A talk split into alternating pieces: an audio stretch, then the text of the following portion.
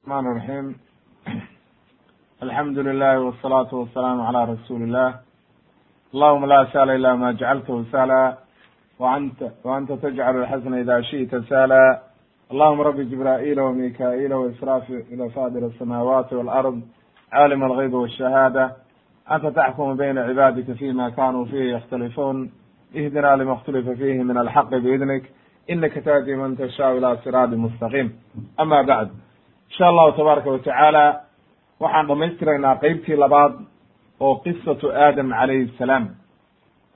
Qodobka toddobaad oo odhanaya ayaynu ka qaadaynaa khalqu xawaa calayha assalaam abuurkii la abuuray maaragtay xawaa umuna xawa iyo waxa weye habkii loo abuuray. Waxaa inoo soo hormartay ilaahay inuu maaragtay uu nabiyullaahi aadam amray inuu jannada dego. Isaga iyo waxa weeye xaaskiisiiba. Ilahay wuxuu yidhi waqulnaa ya aadamu ya aadamu iskun anta wa zawjuka aljanna wa kulaa minha ragadan xaysu shi'tumaa walaa taqrabaa hadihi ashajara fatakunaa min aldaalimiin ilaahay aayaddaa wuxuu inoogu caddeeyey iyo aayaddii kaleo fii suurati acraaf oo odhanaysay wa ya aadamu iskun anta wa zawjuka aljanna fakulaa minha ragadan xaysu fakulaa minha xaysu shi'tumaa walaa taqrabaa hadihi shajara fatakuna min alظaalimiin aayadaha ilaahay wuxuu inoogu caddeeyey in nabiyullaahi aadam iyo xawaa labadoodiiba la yidhi jannada dega marka. Aayad kale waatuu ilaahay ku lahaa faqulnaa ya aadamu ina hada caduwun laka walizawjika walizawjika falaa yukrijannakuma min aljannati fatashqa fi suurati daha aayadahaasi marka waxay inoo caddeeyeen ibnu kathiir wuxuu leyahy raximah llah aayadahaasi yaaqooda wuxuu kutusayaa iyo waxa weye sida ay ku soo arooreen daahirkoodu nabi ilaahay inuu maaragtay uu xaawo abuuray oo xaawo abuurkeedi inuu ahaa qabla dukhuuli aadam fi ila aljanna aadam intaan jannada la gelin aadam markii la abuuray in xaawana laga abuuray intaan marka jannada la gelin aadam in waxa weeye xaawana la abuuray ayaa aayadaha daahirkooda kutusaya walihaada sharaxa bihi maaragtay isxaaq ibnu yasaar ayaa yidhi daahirka aayadaha wuxuu keenayaa in xawo la abuuray qabla dukhuuli ljannati aadam intaan aadam uuna jannada gelin oo aan la dhihin jannada gal ayaa horta xaawo la abuuray buu leh laakiin waxaa sugnaatay oo waxa weeye uu sheegay imaamu suddi uu ka wariyey maaragtay can abi saalix wa abi malik can ibni cabaas waxaa laga warinaya cabdullahi ibni cabaas can muratana wuxuu ka warinaya cabdullahi ibni mascuud. Iyo waxa weeye saxaabo kaloo badan annahum qaaluu inay yidhaahdeen ukhrija ibliis min aljanna. Jannada ayaa ibliis laga saaray. Wa uskina aadamu aljanna. Aadamna jannadii baa la dejiyey. Fa kaana yamshi fiiha waxshiyan ay waxiidan keligi isagoo ayuu jannada joogi jiray. Laysa lahu fiiha zawjun yaskunu ilayha. Aan waxaasa oo uu ku dego oo uu ku nasta aan lahayn ayuu joogi jiray. Fa naama nawmatan wuu seexday. Fastayqada wuu toosay markaa. Wa cinda ra'sihi imra'atun qaacidatun khalaqaha allahu min dilacihi uu ka abuuray ilaahay feertiisa. Ayaaba dhinac fadhida oo waxa weeye madaxiisa fadhida ayuu soo toosay markaa. Fa sa'alaha wuu weydiiye wuxuu yidhi maa anti maxaa tahay? Qaalat waxay tihi imra'atun qof dumaraan ahay oo wuxuu yidhi maxaa lagu abuuray?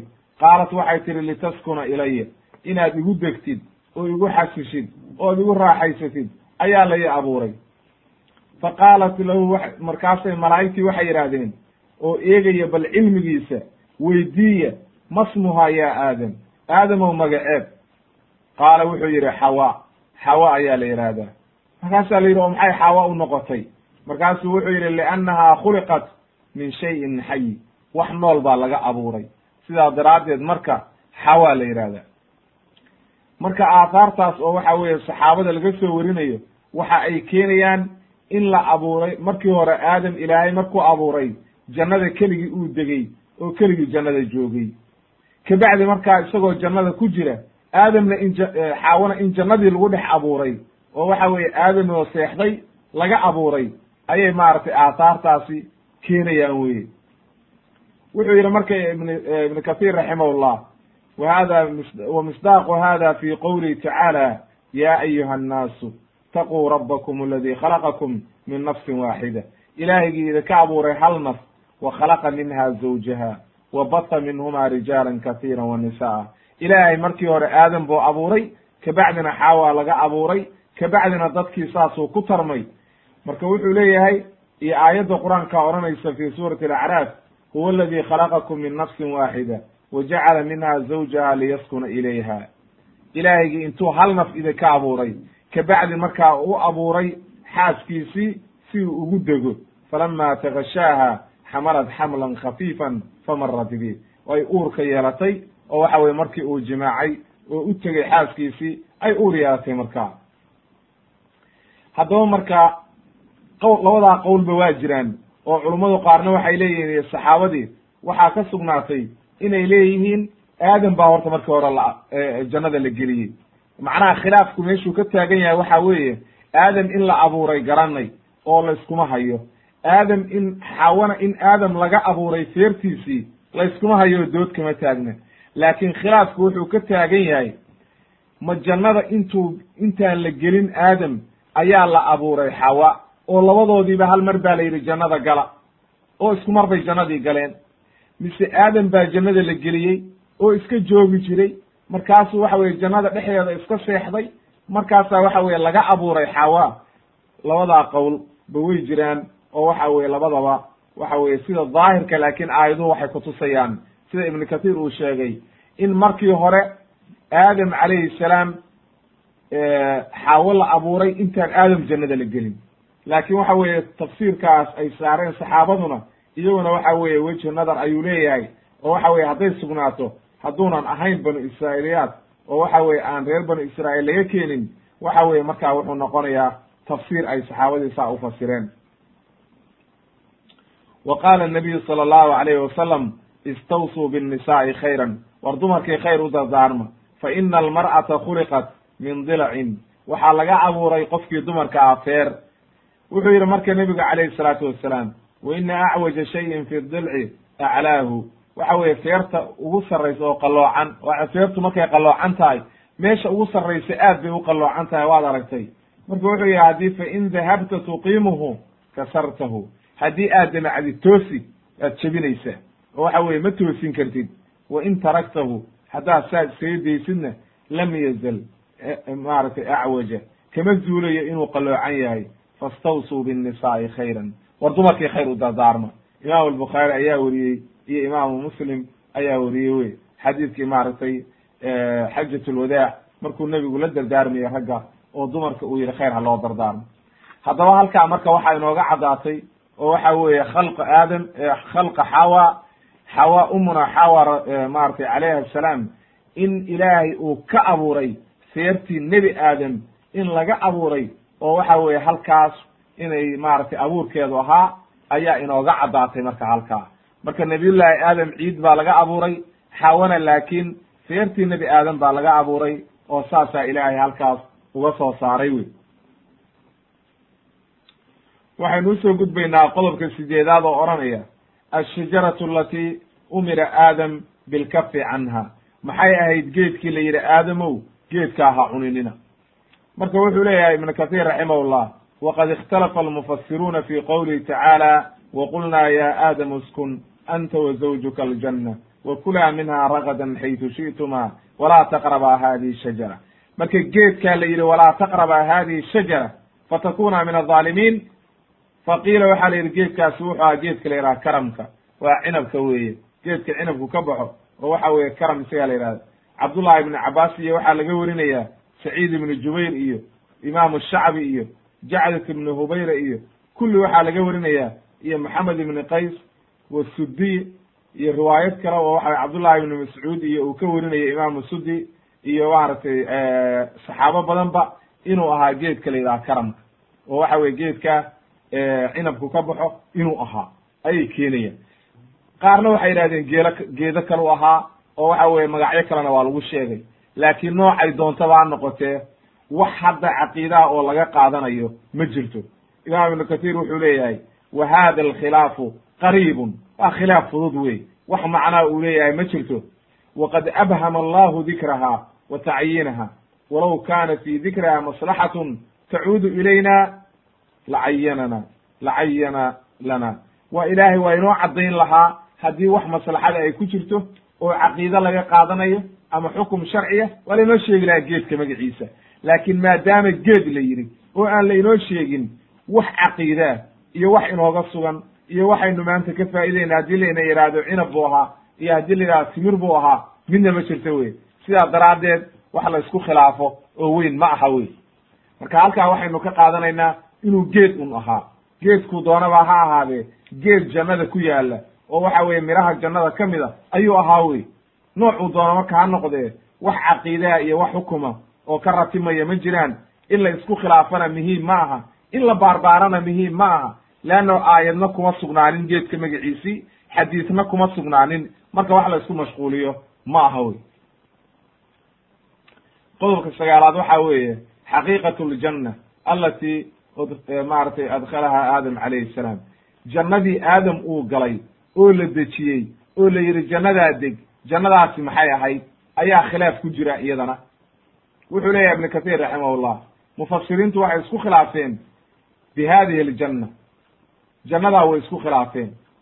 Khilaafku marka waxa weeye hal hiya fi samaa aw fi lardi ma dhulkay ku tiilay? Mise samaday ku tiilay? Xaggee jannadan la yidhi aadam gal ma dhulkay ahayd? Mise samada?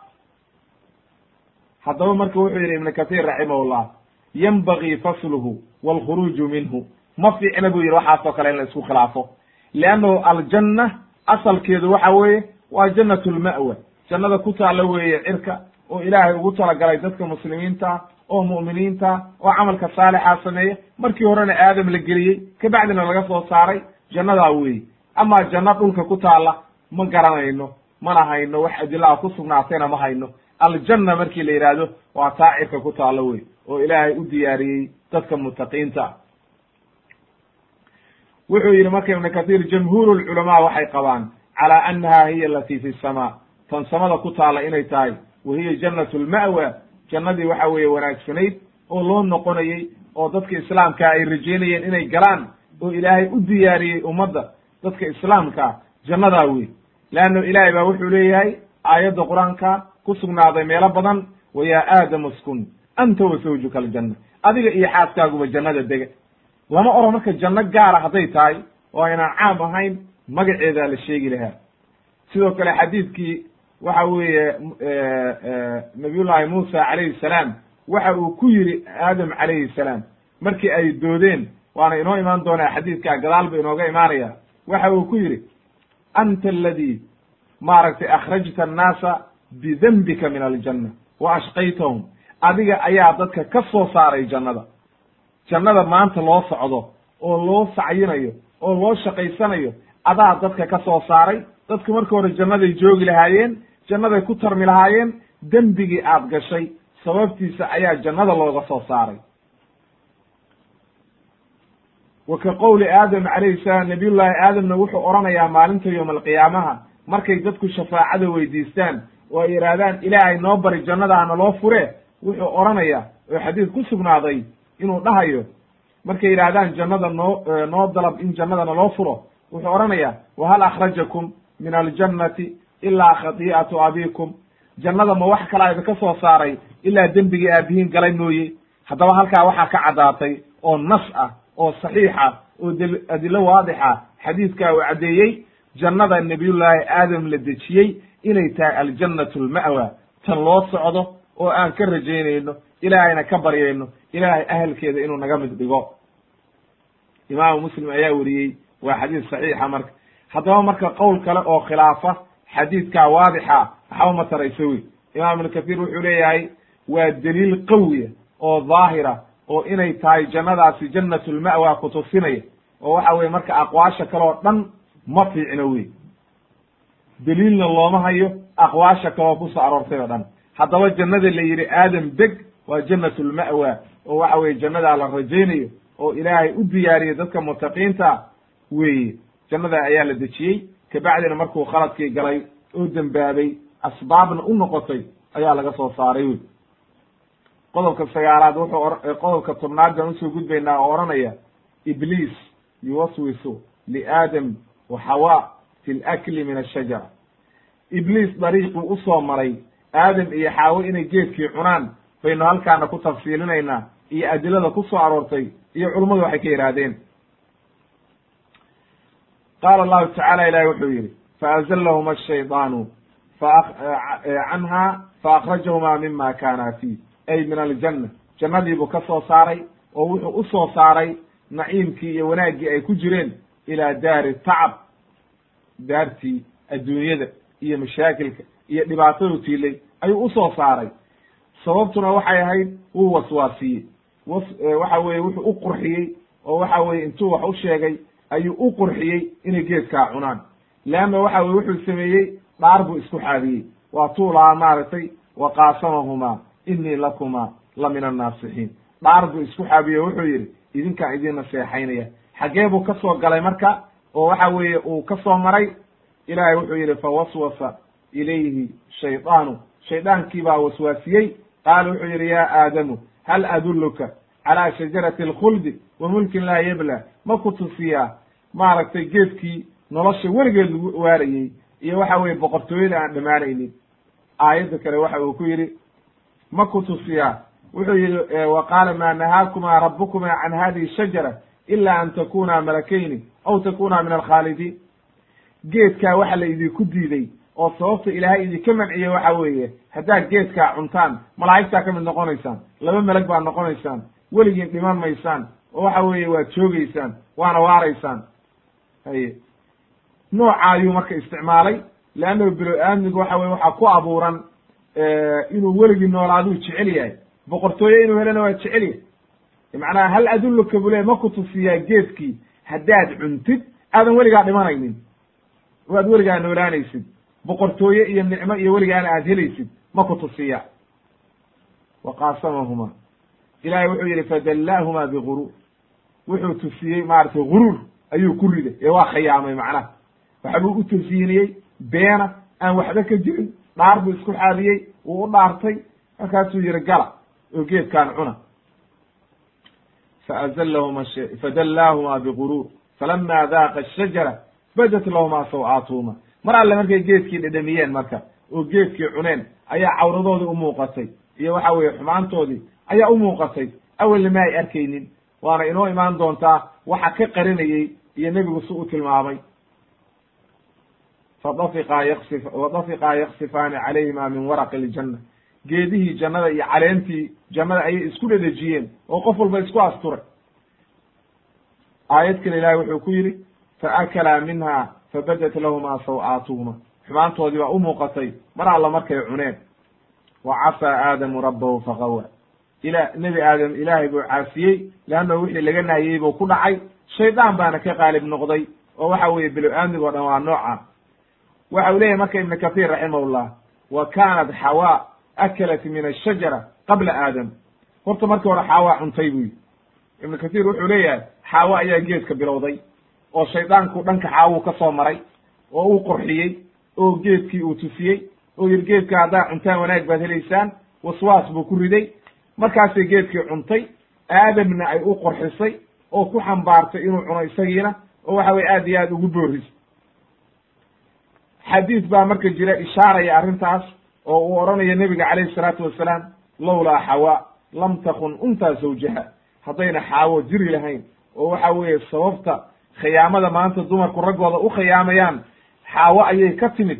Oo waxa weeye haddayna xaawo fir ku lahayn dumarkii waxa weeye weligeed qof dumari ninkeeda ma khiyaanteen. Xadiidka imaam albukhaari ayaa weriyey maratay fi axaadiis alambiya saddex kun iyo waxa weye saddex boqol iyo soddon.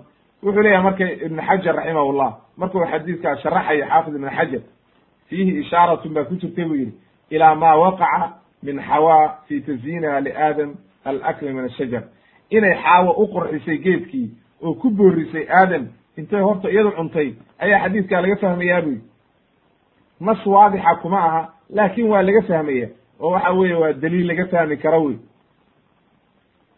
wuxuu yidhi marka fa macnaa khiyaanatahaa annahaa qabilat maa zayana laha ibliis. Khiyaanadu waxa weeye wixii ibliis u qurxiyey ayay horta aqbashay. Markay iyadii aqbashay oo ogolaatay oo la fiicinaatay ayay markaa aadamna ku boorisay oo u qurxisay. Oo waxa weeye ay tiri waxaan samee waa wax wanaagsan. Markaasi waxa weye saa dhibaatadii ugu dhacdo. Walaysa almuraadu bilkhiyaana irtikaabu lmacaasi iyo fawaaxish iyo dhibaato. Leannahu cid kaleba meesha ma joogin. Oo waxa weye khiyaano kale meesha ma oolin. Ee waxa weeye waxay u waxay aqbashay shaydaan wixii u qurxiyey unbay aqbashay wey wuxuu yidhi marka ibn xaafid ibn xajar raximahullah amaa wixii ka dambeeya buu yihi dumarka xaawo ka dambeeya. Hadda marka waxa weeye mid walba khiyaanada wixi ay samayso unbay khiyaamaysaa oo waxa weeye waa qof walba wixi uu la yimaado ayaa maaragtay la eegayaa ee maaha inay maaragtay kulligood isku mid yihiin. Waxaa ku jirta buu yidhi xadiidka xaafid ibni xajar raggii oo lala hadlayo oo la leeyahay maaragtay u dulqaata dumarkii leanno khalad baa ka dhacaya oo waxa weeye waxay ka wataan asalka. Arrintan waxa weeye waa wax ilaahay ku abuuray oo waxa weeye xaaway ka wataan oo waxa weeye hoo hooye ayaa saa ahayd. Marka sidaa daraaddeed u dulqaata oo tasliyo wey iyo sabirsiin raggii la sabirsiinayo halkaa wuxuu ku sharaacay xaafid ibnu xajar fatxulbaariga majalada lixaad afar boqol iyo afartan iyo afar safxada ah ayuu halkaa kaga hadlay oo ku sharaxay. Calaa kulli xaal marka halkaa culummadu waxay leeyihiin xaafid ibnu xajar iyo ibnu kathiir iyo waxay leeyihiin markii hore xaawa cuntay. Xaawa markay cuntay kabacdi markaa shaydaankii ay aqbashay warkiisii ayay aadamna u qurxisay aadamna markaasuu ku dhacay. Labadoodiiba dhibaatada halkaasay uga timid oo waxa weye mashaakilka halkaasuu ka yimid ayay leeyihiin qodobka koob iyo tobnaad aan u soo gudbayna waxa weeye maxay ahayd dharkii aadam maa jaa fi libaasi aadam wa xawa xaawo iyo aadam markii jannada la dejiyey dharka ay qabeen oo cawradooda qarinayey oo waxa weeye ilaahay uu yidhi maaragtay shaydaan wuxuu doonayay inuu dharki ka siibo muxuu ahaa dharkaas. Ilahay waxa uu yidhi ya bani aadam laa yaftinannakum ashaydaanu kama akhraja abawaykum min aljanna yanzicu canhuma libaasahuma liyuriyahuma saw-aatihima fi suurati alcaraaf ilahay aayaddaa wuxuu inoogu sheegay inuu shaydaan ka digtoonaadaa la yidhi. Siduu aabihiin iyo waxa weeye labadiida dhashay oo waxa weeye xawa iyo iyo aadam calayhim assalaam siduu jannada uga soo saaray yanzicu canhumaa libaasahuma isagoo dharki ka siibaya liyuriyahumaa saw-aatihimaa si ay xumaantoodii u arkaan iyo cawradoodii iska ilaaliya buu yidhi saasoo kale iyo idiigeline wa qaala nabiyu sala allahu alayh wasalam nebiga ayaa xadiis ku fasiray arrintan oo waxa weeye inoo bayaaninaya nebigu wuxuu yidhi calayhi isalaatu wasalaam ina aadama kaana rajulan duwaalan kaannahu naklatun saxuuq. Wuxuu ahaa buu yidhi nebi aadan calayhi salaam nin aad u dheer oo waxa weye dee waa ti aynu soo marnay inuu lixdan dhundhun ahaa nin aad u dheer buu ahaa. Waxaad moodaa buu yidhi timirta geedaha timirta oo dheer dheer ay saxuuq waxaa la yidhahdaa ay addawiil geedaha aad u dheer dheer oo timirta ayuu la mid ahaa buu yidhi. Kathiiru shacri kathiiru shacri ra'si madaxiisa timaha ku yaalla aad bay u dheeraayeen oo aad bay u badnaayeen. Falamaa rakiba alkhadii'a badat lahu cawratuhu mar alla markuu dembigii galay oo geedkii dhedhamiyey ayuu cawradiisii arkay. Wa kaana laa yaraahaa qabla dalik awel markii hore ma u arki jirin. Oo cawradiis waa ka qarsoonay oo ilaahay baa ka qariyey. Oo waxa weeye timahaas iyo ilaahay ku asturay. Oo waxa weye ma muuqan mana u arkaynin xaawna sidoo kale ahayd faindalaqa haariban wuu baxay isagoo cararaya. Jannadu ayuu ku dhex cararay. Fatacallaqat bihi shajaratun geed baa qabtay. Fa qaala lahaa arsilini isii de arsilni isii daa buu yidhi oo waxa weye geediyo isii da fa qaalat geedkii baa markaa waxay tihi lastu bimursilatik kuma sii daynay ilaahay baa amar siiyey.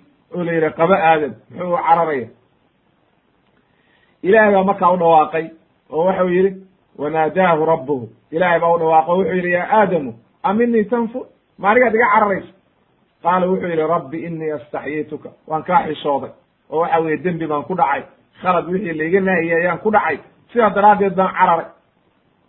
Xadiidkaa marka wuxuu inoo caddeeyey inuu waxa weeye aadam ilaahay uu ka qariyay cawradiisa ee meesha waxa weye dhar kale iyo waxa weye dharkaan hadda aynu naqaan ma oolin meesha laakiin ilaahay baa asturay oo ka qariyey.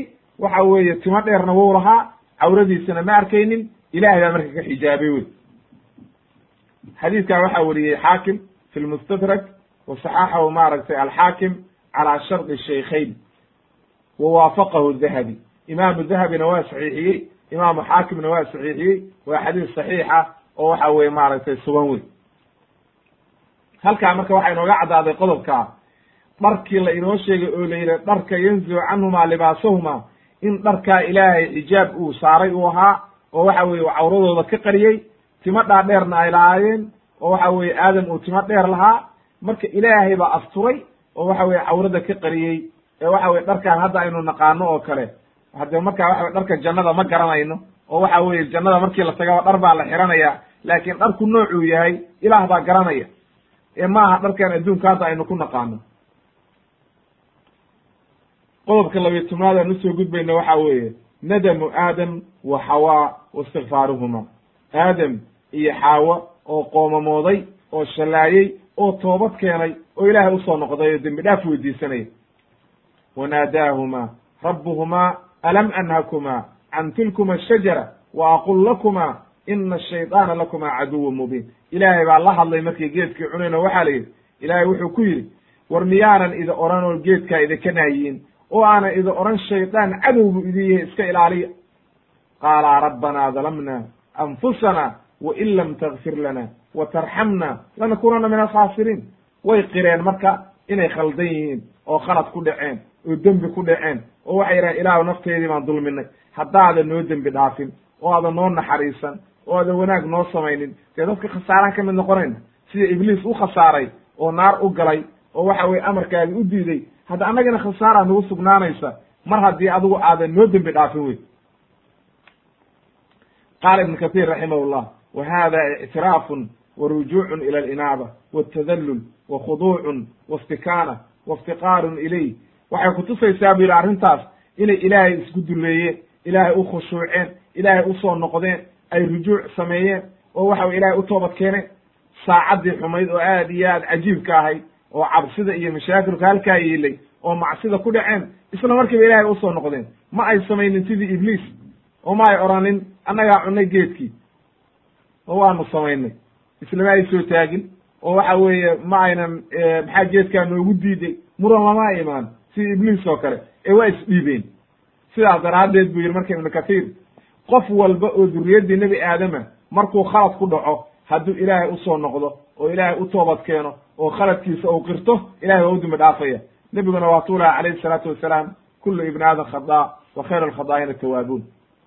Haddaba qof walba oo bilo-aadmiya waxaa laga rabaa oo muslima markuu dembiga galo inuu ilaahay u soo noqdo oo ilaahay u toobad keeno oo dembi dhaaf weydiisto oo ilaahay u tadaruco oo ilaahay baryaa la raba sidaa nabiyullahi aadam calayhi salaam uu yeelay wey qodobka saddex iyo tobnaad waxa weeye ma jaa fi ikhraaji aadam wa xawaa min aljanna halkaa marka markay qirteen oo waxa weye ay dembigoodii qirteen intaan ilaahay toobadii ka aqbalin ayaa la yidhi ka baxa marka jannada oo waxa weye iyagii waa toobad keeneen waa soo noqdeen ilaahay bay baryeen laakin waxaa la yidhi haye jannada ka baxa marka oo waxa weeye jannada ka baxa ilay khaladkoodii qirteen ilahay wuxuu yidhi qaala hbiduu bacdukum libacdin caduw walakum fi lardi mustaqarun wa mataacun ilaa xiin baxa baa la yidhi oo ka dega oo hoobta oo jannada ka baxa oo waxa weye dhulkaad tegaysaan qaarkiinba qaarka kaluu cadow u yahay dhulkaad ku noolaanaysaan ilaa iyo wakti laga gaaro ilaa iyo maaragtay qof walba intuu ka dhinto ama waxa weye ilaa yowma alqiyaame la gaaro dhulkaad tegaysaan aayad kale ilahi wuxuu ku yidhi maaragtay qaala habi qaala habidaa minha jamiican bacdukum libacdin caduw fa ima yaatiyanakum minii huda marka adduunkii haddii la yimaado oo dhulka aad tagtaan oo waxa way dhulka ku tarantaan fa ima yaatiyanakum minii huda haddii hanuunkaygii idin yimaado oo aan nebiye idiin soo diro oo rusul idiin soo diro. faman faman tabi faman itabaca hudaaya falaa yadilu walaa yashqa qofkii hanuunkayga raaca oo dariiqa xaqaa mara waxa weeye falaa yadilu walaa yashqa mana dhumayo oo adduunkii ma baadiyoobayo aakhirana waxa weeye naar ma gelayo oo shaqi ma noqonayo. Marka waxba idinka dhimi maysee orda adduunka taga oo dhulka taga oo waxa weye awalba dhulkaa laydinku talagalay asbaab bay ahayd waxaan oo dhan asbaabtiina waa marteen orda dhulka taga marka. Leanna sabab bay waxaanay ahayd oo ayn waxa weeye sida waxa weye wax walba sabab bu ilaahay u sameeya. Waman acrada can dikrii fa ina lahu maciishatan danka dadkii labadaasay uqaybsamayaan marka qofkii ilaahay beeniye haddii naar buu gelaya qofkii ilaahay rumeeya camal saalixa iimaan saxiixa la yimaada nebiyadii raaca dariiqoodii marana ilaahay janno u ballan qaada wa qaala nabiyu sala allahu alay wasalam nebigu wuxuu yidhi xadiis saxiixa ka sugnaaday waxa uu yidhi khayru yowmin dalacat fiihi shamsu yowmu ljumuca maalinta ugu khayr badan maalmaha qoraxdu soo baxdo waa maalinta jumcaha wey wuxuu yidhi marka nebigu calayhi salaatu wasalaam fiihi khuliqa aadam nabiyullaahi aadam baa la abuuray maalin jumca. Waataynu soo sheegnay oo nidhi bacda alcasr fii aakhiri saacaat ayaa la abuuray. Khalqigana isagaa ugu dembeeyey jumcihii baana la abuuray. Wa fiihi udkhila aljanna jannadana waxaa la geliyey maalintii jumcaha ayaa la geliyey. Wa fiihi ukhrija minha maalintii jumcaha baana jannada laga soo saaray.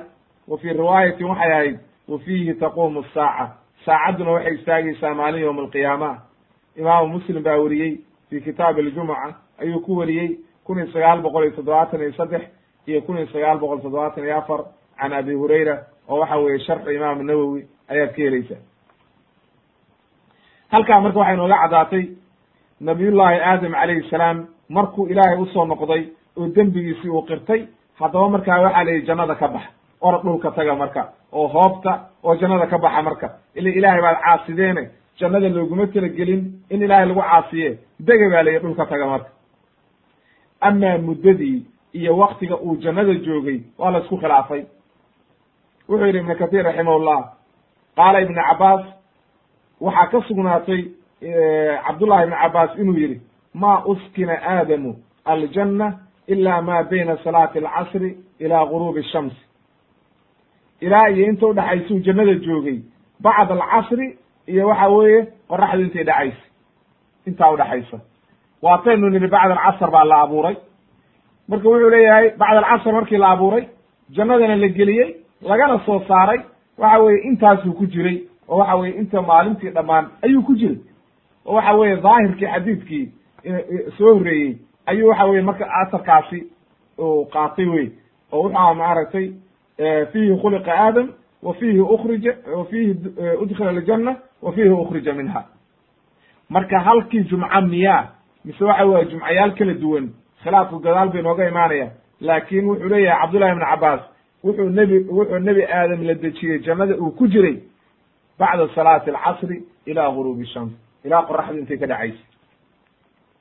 Atarkaa waxaa weriyey imaamu xaakim fi lmustadrik ayuu ku weriyey wa qaala saxiix calaa shardi shaykhayn walam yukharijaahu wawaafaqahu dahabi marka haddii xadiidka mar imaamu xaakim uu saxiixiyo imaamu dahabina ku waafaqo waa xadiis saxiixa weye waa la qaadanayaa haddaan culimo kale ayna daciifin wey mana aynu helin culimo kale oo daciifisay wey qaala ibnu kahiir wuxuu yihi raximah llah fain kana alyawm aladi khuliqa fiihi ukrija fiihi wa qulnaa ina alayaama sita ka hadihi alayaam haddii aynu naraado buu yidhi maalintii jumcihii la abuuray isla jumcihii baa la geliyey jannada isla jumcihiina waa laga soo saaray oo bacd alcasr baa inta la abuuray oo jannadii la geliyey oo cabaar joogay baa haddana laga soo saaray haddii aynu naraado. Oo aynu dhahno maalintaasi waxay la mid tahay maalintan adduunka hata taasi waa wax yar wey waa wakti aad u yar wax suurtagalana ma ah waa wakti aad u yar wey. Laakiin waxaa sugnaatay oo saxiixa oo waxa weeye sugan aayado qur'aanana ku sugnaatay wa ina yowman cinda rabbika ka alfi sanati mima tacuduun maalinta aakhiro oo waxa weeye jannada iyo samada iyo markii la joogo oo waxa ilaahay agti maalinta la xisaabiyaa waxay la mid tahay kun sano oo waxa weeye adduunka markaynu joogno la xisaabiyay la mid. Marka ugu yaraan markay ugu yaraato nabiyullaahi aadam calayhi salaam kun sano in u dhigata oo waxa weeye adduunka markii la joogo ayuu jannada joogo. Ayaa marka halkaas kaaga caddaanaysa marka. Wuxuu leeyahay marka waxaa kaloo sugnaatay buu yidhi in waxa weeye bacd alculamaa ay yidhaahdeen maalinta aakhiro waxay udhigantaa ilaa iyo waxa weeye lix kun oo maalmood ayay udhigantaa sittatu aalaaf ayay udhigantaa sana. Kama taqadama cabdullahi ibn cabaas iyo siday yidhahdeen iyo mujaahid iyo siday yidhahdeen ibnu jariirna uu doortay. Haddaba marka halkaa waxaa ka caddaatay faqad labisa hunaaka muddatan tawiila. Muddo dheer inuu jannada joogay nabiyullahi aadam ayaa halkaa ka sugnaatay markii adduunka loo fiiriyo. Marka waxaynu nidhi ugu yaraan maalinta aakhiro iyo xaggaa la joogo waxay udhigantaa kun sano sida ilaahay uu yidhi. Oo adduunkaa haddaba marka waa wakti aad u badan haddii dhankaa laga maro wey qodobka afar iyo tobnaad waxa weeye maa jaa fi tawbati illahi cala aadam calayhi salaam ilaahay oo ka toobad aqbalay marka markii jannadii laga soo saaray oo la yidhi orda dhulka taga oo ay toobad keeneen ilaahay toobadii waa ka aqbalay marka waxaa sugnaad ilaahay waxa uu yidhi fatalaqaa aadamu min rabbihi kalimaatin kelimaadkaa horaan u soo sheegnay oo waxa weeye qaala rabbanaa dalamna anfusana wain lam takfir lana watarxamna lanakunana min alkhaasiriin waxaa saa ku fasiray imaamu mujaahid saciid ibnu jubayr abilcaaliya warabiic ibn anas walxasan albasri wa qataata wa maxamed ibni kacab ayaa ku fasiray wa cadaa wa gayruhum saxaabadii o dhan waxay yidhahdeen fatalaqaa aadamu rab min rabbii kelimaatin kelimaadkaa loo jeedo waa qowluhu tacaala rabbanaa dalamna anfusana wain lam takfir lana watarxamna lanakunana min alkhaasiriin qowlka ayaa loo jeedaaba marka markuu saa yidhi ilaahay baa ku ilhaamiyey oo ilaahay baa waxa weeye u waxyooday markuu noocaa ay yidhaahdeen labadiiba oo ilaahay u soo noqdeen ayaa markaa ilaahay waxa uu yidhi fataaba calayhi. Ilaahay waa ka toobad aqbalay. Inahu huwa tawaabu raxiim ilaahayna waa mid toobad aqbala oo raxiima liman taaba wa anaaba ila allah wa aamana wa camila camalan saalixan ilaahay qofkii u toobad keena waman taaba taaba allahu calayh ayuu maaragtay xadiis ku sugnaaday saxiixa. Haddaba halkaa marka waxay nooga caddaatay nabiyullaahi aadam calayhi salaam dembigii markuu galay sidii ibliis oo kale ma uu yeelin ee waxa weye isla markiiba qoomamo ayuu la yimid. Annadamu tawba ayuu nebigu yidhi calayhi salaatu wassalaam. Qofku ficilkii xumaa uu galay inuu ka qoomamoodo oo waxa weeye uu ka xumaado toobaday ka mid tahay. Haddaba marka markaasu ilaahay dembi dhaaf weydiisteen oo u tadaruceen kabacdi marka ayaa jannadii laga saaray jannadii markii laga saaray oo waxa weye markaa kabacdina ilaahay ka toobad aqbalay oo loo dembi dhaafay wey marka wax dembiya iyo wax eeda oo uu ku leeyahay haba yaraatee ma jirto wey leanna waxa weye hadduu mar toobad keenay maaragtay nebigu wuxuu ku yidhi attaa'ibu min adembi kama laa demba lah qofkii toobad keena waxa uu la mid yahay isagoon dembiba lahayn ayuu la mid yahay. Marka qofku mar hadduu toobad keeno wax dambe oo lagu canaananayo ma jirto wey qodobka shan iyo toban oo aynu u soo gudbayna waxa weeye dikru ixtijaaji aadam wa muusa calayhim assalaam waxa weye nabiyullahi muusa calayhi salaam oo samada kula kulmay aadam oo la doodaya oo canaananaya oo odhanaya maxaad jannada nooga soo saartay? Ayaynu halkan ku caddaynayna xadiidkii abu hurayra radi allahu canhu waxa uu yidhi nebigu waxa uu yidhi ixtaja aadamu wa muusa. Muuse iyo waxaa dooday aadam ayaa dooday faqaala muusa muusa ayaa wuxuu yidhi nabiyullahi muusa calayhi salaam ayaa wuxuu yidhi anta aadam aladi khalaqaka allahu biyadihi. Ilaahay maaragtay gacantiisa ayuu kugu abuuray aadamow. Wa nafaka fiika min ruuxi naftiisiina waa kugu afuufay. Wa asjada laka malaa'ikatahu malaa'igtiisiina waa kuu sujuudiyey. Wa askanaka jannatahu jannadiisiina waa ku dejiyey. Jannatuhu jannadiisiina waa ku dejiyey. Akhrajta annaasa min aljanna bidembika wa ashqaytahu. Adiga ayaa dadkii marka sabab u noqday in jannada laga soo saaro. Leanna haddaad jannada joogi lahayd adigii xaawa aad jannada joogi lahayde oo bilow aadmigu halkaa ku tarmi lahaayeen sida malaa'igtu halkaa u joogto ayaad idinkana jannada u joogi lahayd annagoo dhan halkaasaan ku tarmi lahayn wax waxa weeye dhibaatona gaari lahaydba ma jirin. Adaa waxaa noogu sababa buu leeyahy aadam baa hadlay. Wuxuu yidhi ya muusa ya muusa muusow anta aladi asdafa allahu maaragtay birisaalatihi wa bikalaami waxaa tahay bi soomatid buu yidhi ilaahay ninkuu doortay. Oo waxa weeye uu u doortay maaragtay risaaladiisii oo tawraad ku dejiyey. Oo waxa weye ilaahay uu la hadlay biduuni waasita iyadoo aan meleg loo soo marin ilaahay uu toos kuula hadlay. Wa kallama allahu muusa takliima waatuu yidhi ilaahay. Ilaahay nebi muuse waa la hadlay. Wuxuu yidhi marka wa anzala calayka tawraat tawraadna waa kugu dejiyey atalumuni ma waxaad igu canaananaysaa oo igu eedaynaysaa calaa amrin arrin qadar rabbi ahayd katabahu llahu ilaahay ugu qoray. Calaya dushayda. Qabla an yakhluqunii intuuna ilaahayba i abuurin. Oo aniga baan la i abuurin arrin looxal maxfuudka lagu qoray. Inaan dembigaa galo in jannada layga saaro in dhulka aan tagno. Leanno ilaahay ba aayadaha wuxuu ku bilaabay innii jaacilun fi lardi khaliifa dhulkaaba loogu talagalay nabiyullaahi aadame dembigan marka waxaan oo dhan sabab bay ahaayeen. Wax lagu eedeeyaba ma aha wey oo waxa weye maxaad bay igu canaananaysaa weye arrintan qadar rabbi bay ahayd asbaab baa looga dhigay saasay noqotay. Aniga maxaad iga rabtaa wey ilaahay baa waxaan qadaray. Markaasu wuxuu yihi nabiga calayhi salaatu wasalaam faxaja aadamu muusa. Nabiyullaahi aadam wuu ka gar helay nebi muuse oo nebi aadam baa gartii helay leanna waxa weye arrin loogu talagalay. Ayay arrintaani ahayd. Oo waxa weye markii horeba waxaa loogu talagalay aadam calayhi salaam in waxa weye uu dhulka tago oo dhulka joogo ayaaba asalkiisaba loo abuuray wey xadiidka waa muttafaqun caleyh weye imaamu albukhaari iyo muslim iyo waxa weeye imaamu axmed abu daawud tirmidi maaragtay ibnu maaja intaasoo dhan baa weriyey waa xadiis saxiixa wey halkaa marka waxay inooga caddaatay nabiyullaahi aadam calayhi salaam inaan lagu eedayn karin oo la odhan karin muxuu geedkii u cunay? Oo waxa weeye sababtaa maxaa keenay? Isaga ayaa dhibaatadoo dhan noo lahaa inaan la odhan karin ayaa halkaa ka caddaatay. Oo waxa weye arrintan qadar rabbi bay ahayd asbaab baa looga dhigayey saasuu marka waxa weye ay arrintii u caddahay wey.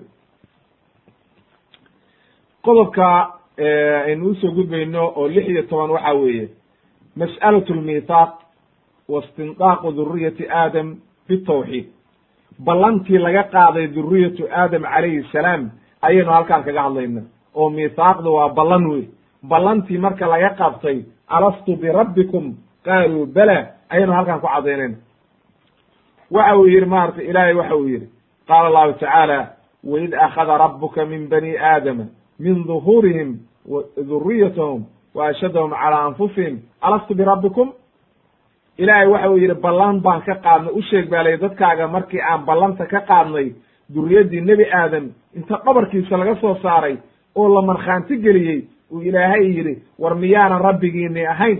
Marka ay yidhaahdeen qaaluu bala waa tahay rabbigeedii shahidna an taquluu yowma alqiyaamati inna kuna can hada gaafiliin haddaba ilaahay arrintaa wuxuu u sameeyey inaynan bilow aadmigu aakhire markii la yimaado aynan odhan annagu arrintaan maa noogey noloomana soo gaarsiin warna uma hayno. Ama aynan odhan ow taqulu inaydan odhan inamaa ashraka aabaa'una min qabl wa kunna duriyata min bacdihim afatuhlikunaa bima facala almubdiluun. Ama ayna duriyaddii odhan oo deliil ka dhiganin annaga waa ka dembeyne aabbayaashayaa waxaan sameeyey ma waxaana laku cadaabayaa wax ay sameeyeen? Dad waxa weeye dhaalimiin ahaa annaga waxa maanu samaynay cabdullahi ibni cabaas waxaa laga wariyey can inabiyi sala allahu alay slam nebigu inuu yihi akhada allahu tacaala almithaaqa min dahri aadam calayhi salaam nacmaan nacmaan marka waxa weye yacni carafa. Ilaahay ballanta wuxuu kaga qaaday oo duriyadda nebi aadam meesha lagaga hadal siiyey oo loo yidhi alastu birabbikum waxay ahayd carafa. Buurta carafa ayay ahayd oo meesha waxa weye xajka oo carafa ayay ahayd ba layidhi. Oo nebigu waxa weye xadiidka ku caddaynaya. Wuxuu yihi nebiga calayhi salaatu wasalaam fa akhraja min sulbihi dhabarkiisa ayuu wuxuu ka soo saaray duriyaddii oo dhan. Ilaa iyo yowma alqiyaama wixii dhalan lahaa ayuu duriyaddii ka soo saaray dhabarkiisa say u dhan yihiin. Markaasuu waxa weye aayaddaa nebigu xusay oo waxa weye aayadda akriyey waid akhada rabuka min bani aadama min duhuurihim maaragtay duriyatahum ila aakhir alaayaat ilaa uu ka yidhi alastu birabbikum qaaluu bala marka halkaa waxaa inooga caddaatay in waxa weeye ballantaasi ay dhulka ahayd. Oo waxa weye meesha duriyatu aadam calayhi salaam dhabarkiisa lagaga soo saaray oo waxa weye inta dhabarka ilaahay uu ka soo saaray duriyaddii la yidhi alastu birabbikum inay dhulka ahayd khaasatan inay ahayd carafa ayaa halkaa inooga caddaatay xadiidkaa marka waxaa weriyey libni abi caasim fi sunna ayuu ku wariyey waxasanahu sheikh albani maaragtay fi takhriiji asuna libni abi caasim laba boqol iyo laba ayuu xasan kaga dhig wa can hishaam ibni xakiim waxaa laga wariyey can inabiy sala allahu alayh wasalam inuu yidhi ina allaha akhada duriyata aadam min dahrihi ilaahay waxa uu ka soo qabtay oo ka soo saaray duriyaddii nebi aadam oo dhan ilaa yowma alqiyaama wixii dhalan lahaa dhabarkiisa. Uma ashadahum wuu markhaanti geliyey calaa anfusihim alastu birabbikum qaaluu bala. Uma afaada bihim fii kafi markaasuu haddana waxa uu yidhi ilaahay haaulaa'i fi ljanna wa haaulaa'i fi nnaar intuu laba u qeybiyey ayuu waxa uu yidhi kuwaana waa ahlu naar kuwaana waa ahlujanno duriyaddii o dhan. Markaasay waxay yidhahdeen ilaahay wuxuu yidhi marka markuu saa yidhi ayuu wuxuu yidhi markaa fa ahlu ljannati muyasaruuna licamali ahli ljanna dadkii ahlu jannaha ilaahay janno ugu talagalay waxaa loo fududaynayaa camalkii ahlu jannaha oo camal wanaagsan baa loo fududaynayaa oo ay janno ku galaan. Wa ahlu nnaari dadkii ahlu naarkaana muyasaruuna waxaa loo fududaynayaa licamali ahli nnaar camalkii ahlu naarka oo naarta ay ku geli lahaayeen ayaa loo fududaynaya oo macaasidii baa u fudud daacadii waa ku adag tahay macaasidii baa u fudud wey imaam albazaar baa weriyey iyo imaam abarani maaragtay wa saxaxahu sheikh alalbani fi saxiix aljaamic kun iyo toddoba boqol iyo labo ayuu ku saxiixiyey waxaa kaloo ka sugnaatay anas ibn malik radi allahu canhu inuu yihi nebiga ayaa wuxuu yidhi yuqaalu lirajulin min ahli nnaari. Nin ahlu naarka ka mida ayaa maalinta yowma alqiyaamaha ilaahay wuxuu odhanayaa ara'ayta low kaana laka maa cala alardi min shayin akunta muftadiyan bihi? Ka waran baa la yidhi haddii aad adduunka wixii joogay oo dhan lahaan lahayd xoolihii adduunka yiilay dahabkii iyo nicmadii wax alle wixii adduunka yiilay haddii aad adiga maanta aad haysan lahayd ma isku furan lahayd. See buuna iskugu furteen nin waxa weye naar ku jira oo ololaya. Markaasuu wuxuu yidhi fa yaquulu wuxuu odhanayaa nacam waan isku furan lahaa ilaahayo ilaahay baa markaa wuxuu odhanayaa kadabta been baad sheegtay. Faqad aradtu minka ahwana min dalik waxaan kaa doonay wax intaa ka yar. Qad akhadtu calayka fi dahri aadam dhabarkii nebi aadam baan waxaan ballan kaaga qabtay an laa tushrik bi shay-a. Inaadan shirki ii samaynin.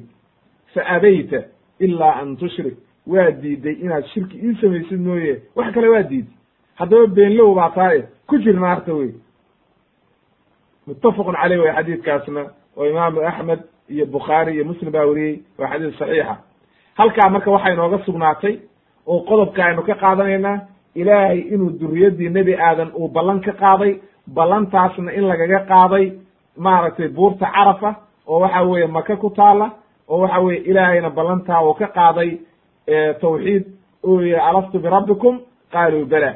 Qof walba marka oo ilaahay naar ugu talagalayna maalintaasu wuxuu yidhi naar baan geynayaa intaa.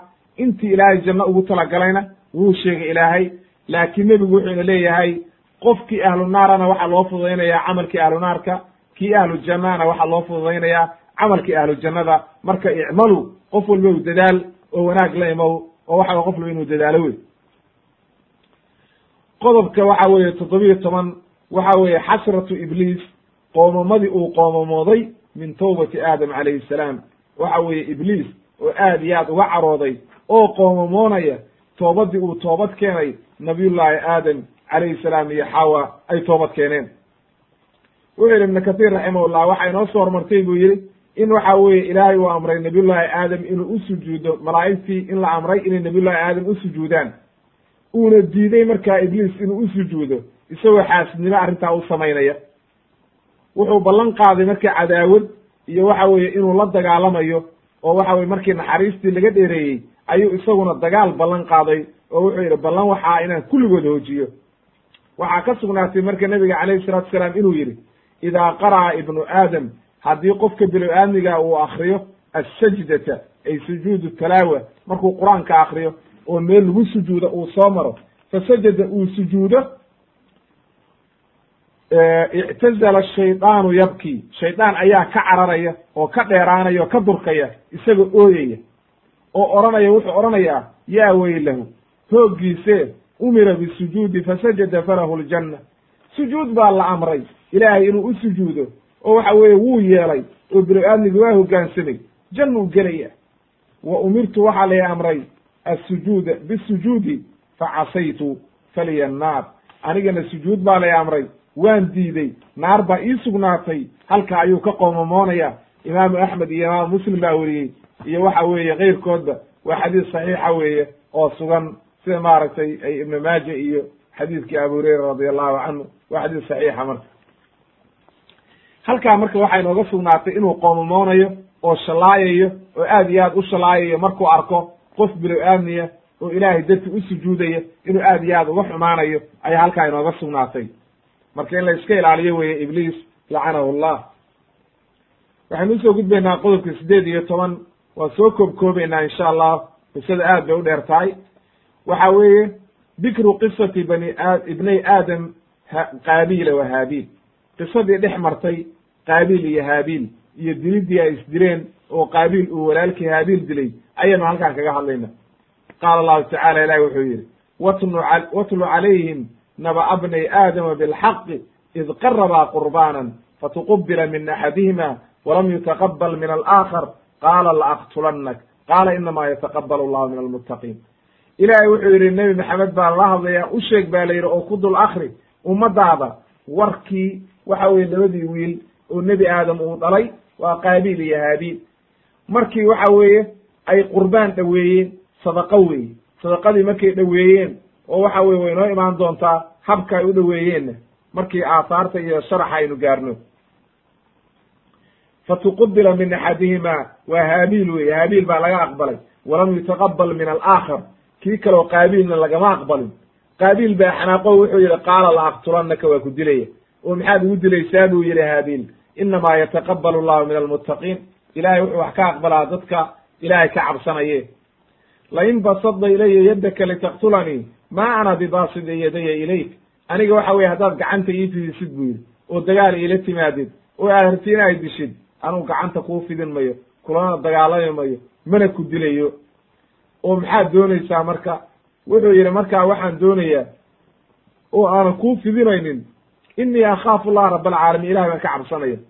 Inii uriidu an tabu'a biitmi wa itmika fatakuna min asxaabi annaar wadalika jazaau zaalimiin waxaan kaloo doonayaa kow ilahay baan ka cabsanaya. Marka labaad waxaan rabaa dembigaaga iyo dembigaygaba oo waxa weeye dilkaad i dilaysid dembigiisa intaad dhabarka u ridatid inaad hadda mid khasaaro noqotid oo naar aad geshid ilaahayna saasuu ku abaalmariya dadka dhaalimiinta wey qaala ibnu kathiir raximahullah waxa uu leeyahay fadakara imaamu suddi can abi malik wa abi saalix can ibni cabaas inuu yidhi cabdullahi ibni cabaas iyo in laga wariyey iyo waxa weye cabdullahi ibni mascuud iyo in laga wariyey inay idhaahdeen ana aadam calayhi salaam kaana yuzawiju dakara kuli badnin biunta alaakhar waxaa la yidhi xawa waxay dheli jirtay laba mataanaa wiil iyo gabar bay dheli jirtay. Leanna waxaa la rabaa tarankii inuu bato. Markaasaa waxaa waxaa la isku guurin jiray labada aan isku mataansanayn ayaa isguursan jiray. Oo wiil walba gabadha ku mataansan looma ogolayn inuu guursado. Gabadha kale oo waxa weye aan ku mataansanayn ayuu guursan jiray. Haabiil ayaa wuxuu doonay ba la yidhi marka inuu guursado gabadhii ku mataansanayd qaabiil wa kaana akbara min haabiil waxaana weynaa qaabiil wa ukhtu qaabiila axsan gabar qurux badan bay ahayd bali fa araada qaabiilu an yastactara biha. Wuxuu doonay inuu ka isagu waxa weye qaato oo waxa weye uu u diido oo waxa weye ninkaani uuna guursan si ay isaga markaa keligii ugu noqoto oo markaa isaga guursado. Wa amarahu aadam aadam ayaa amray calayhi salaam oo wuxuu yidhi u guuri walaalkaa gabadha. Markaasuu diiday markuu diiday ayaa waxaa markaa aadam wuxuu ku yidhi calayhi salaam qurbaan dhoweeye oo nin walbow waxaad keentaa wax sadaqa ah.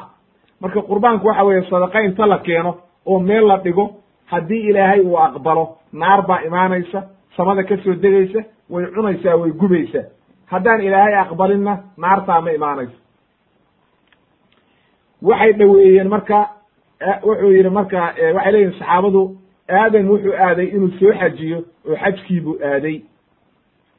Markuu xajkii aadayey ayuu samada la hadlay iyo dhulka iyo buuraha oo waxa uu ku yidhi reerkaygii iyo ilmahaygii ii waardiyeeya waa diideenoo waxay yidhahdeen annaga ma waardiyeyn karno mas'uuliyaddaa ma qaadi karno.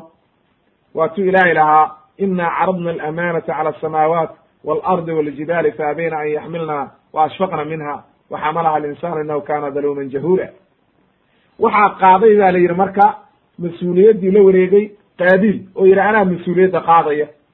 Nin aad adag bu aha ilahay ka cabsanaynin oo mas'uuliyaddii dhabarka u rid markaasu markuu tegey marka ayaa qaabiil iyo haabiil nin walba wuxuu keenay sadaqadiisii.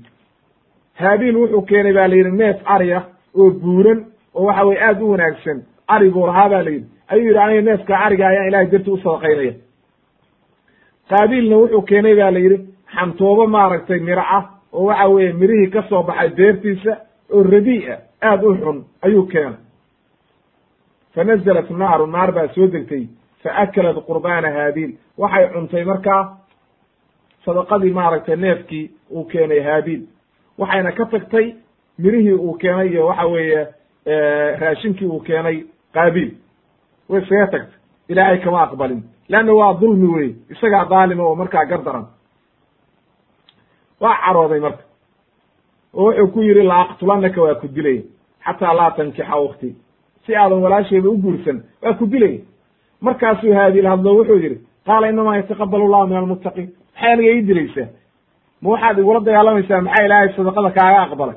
Ilaahay sadaqada wuxuu ka aqbalaa qofki ilahay ka cabsada. Marka aniga maxaad iga rabtaa? Wa ama qowluhu tacaala markii uu uu yidhi haddana lain basada ilaya yaddaka litaktulanii ma ana bibasidi yadaya ilayka. Waxaa laga wadaa bay leeyihiin mufasiriintu ay macnaha maadaama anigii waxa weeye waan iska kaa celin karaa. Awoodna waan leeyahay. Haddaad disho anna waa kula dagaalami karaa. Laakiin ilaahay darti iyo cabsida ilaahay ayaan arrintaa banaanka uga maraya oo xumaan anigu kula geli mayo. Dagaalna kula geli mayo. Walihada qaala nabiyu sala allahu alayh wasalam ida iltaqa almuslimaani bisayfayhima faqatala axaduhuma saaxibah falqaatilu walmaqtulu fi nnaar sidaa daraaddeed buu nebigu wuxuu yidhi hadday labada muslimiinta dagaalamaan oo dagaal isku soo qaataan. oo waxa weeye midkood uu kii kala dilo labadooduba naar bay gelayaan.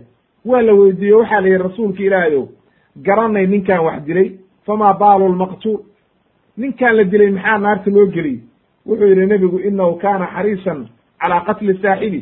Wuxuu ku dadaalayay isagoo soomaha seefta u soo qaatay iyo qoriga inuu wax dilo soomaa xabadii baa lagala hormaraya isaguba inuu wax diluu rabi labadooduba marka waa ahlu naar wey waa xadiidkaana waa muttafaqun caleyh wey haddana markaasu wuxuu yidhi wa ama qowluhu tacaala inii uriidu an tabu'a biismi wa fatakuna min asxaabi annaar wadalika jazaau alظaalimiin macnaheedu waxa weeye siday dadku ictiqaadsan yihiin ma aha. Dadku waxay aaminsan yihiin qofkii qof dila dembigiisii oo dhan inuu ku wareegayo. Waxay leeyihiin aakhiraan rakuub buu noqonaya dushuu ka fuulaya waxyaalahaasay aaminsan yihiin. Waxa waxba kama jiraan. Caqiide ebera wey waa waxba ka jirin wey wax daliiloo ku sugnaatay ma jiraan.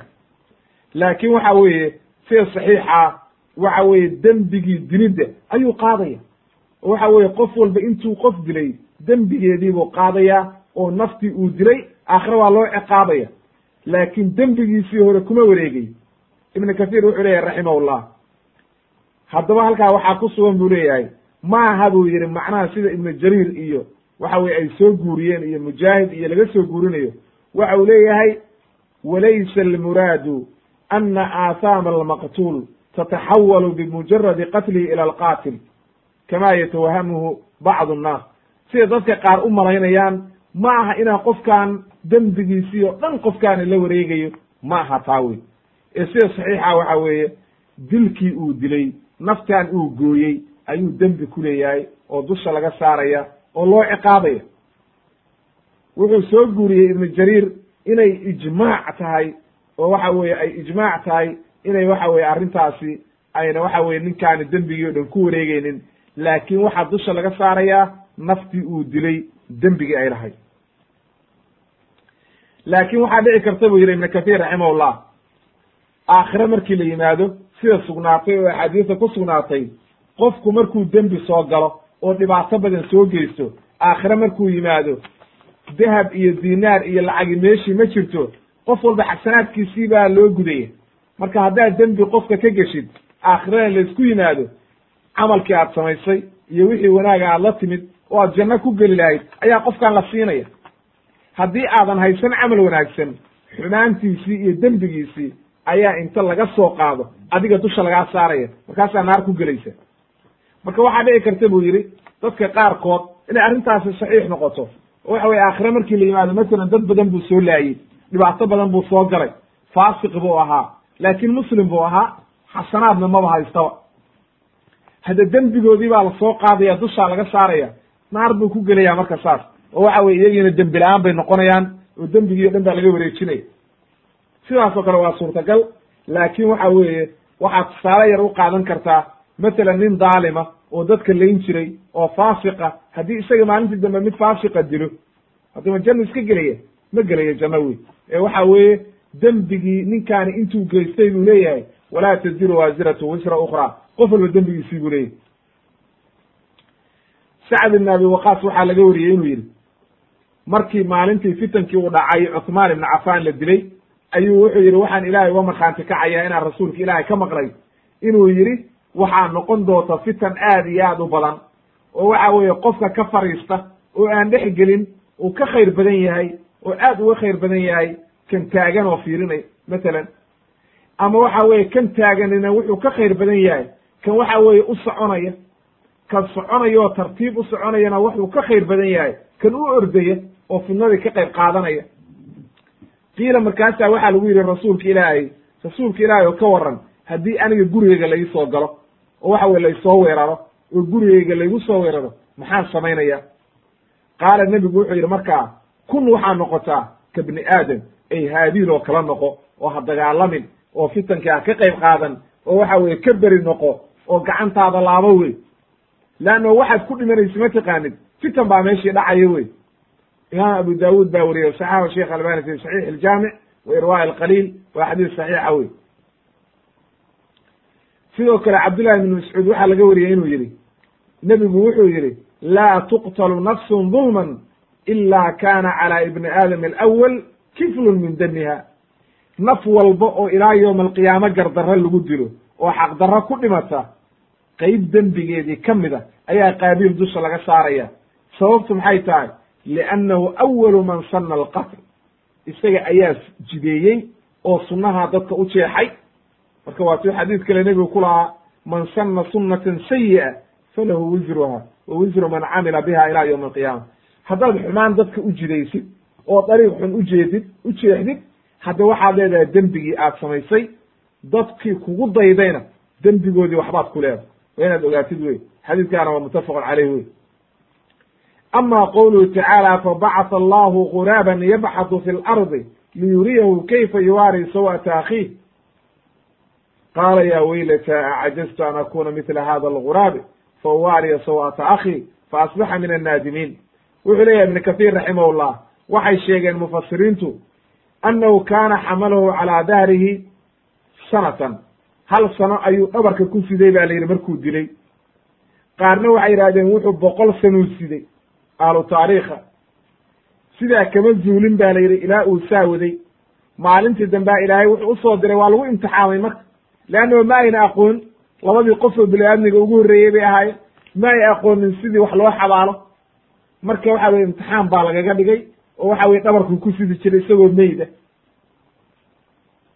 maalintii dambea ilaahay wuxuu u soo diray maaragtay laba tuke way dagaalameen mid baa mid dilay dhulku u qasday wuu qoday god buu u qoday wuu ku riday ciiddii buu ku rogay wuu ka dhaqaaqay markaasu wuxuu yidhi yaa weylata cajaztu an akuna mila hada alqur'aan. Sida tukahaas oo kale anna maan yeelo. Fa uwaariya sawata akhi walaalkay meydkiisa ma halkaa ku xabaalo. Oo isaga taga marka. Maxaan dhabarka ugu wataa? Markaasaa la tusay sidii buu yeelay oo waxa weye markaa waxa weeye waxa weye arrintaas sameeyey wey. Haddaba halkaa waxay inooga caddaatay marka qisadaa nebiyo maaragtay labadii wiil oo aadam uu dhalay qaabiil iyo haabiil inay isdileen ninka la dilayna uu yahay haabiil ninka wax dilayna uu yahay qaabiil oo waxa weeye haabiil nin wanaagsan buu ahaa oo ilaahay ka baqayey xaqdaruuna ku dhintay wuuna sabray ehlu janno ayuuna maaragtay saa ku noqonaya oo waxa weye ilaahiyga subxaana qaadirka uga rajaynaynaa leanna wuu sabraa xaqdaraa lagu dilay wey.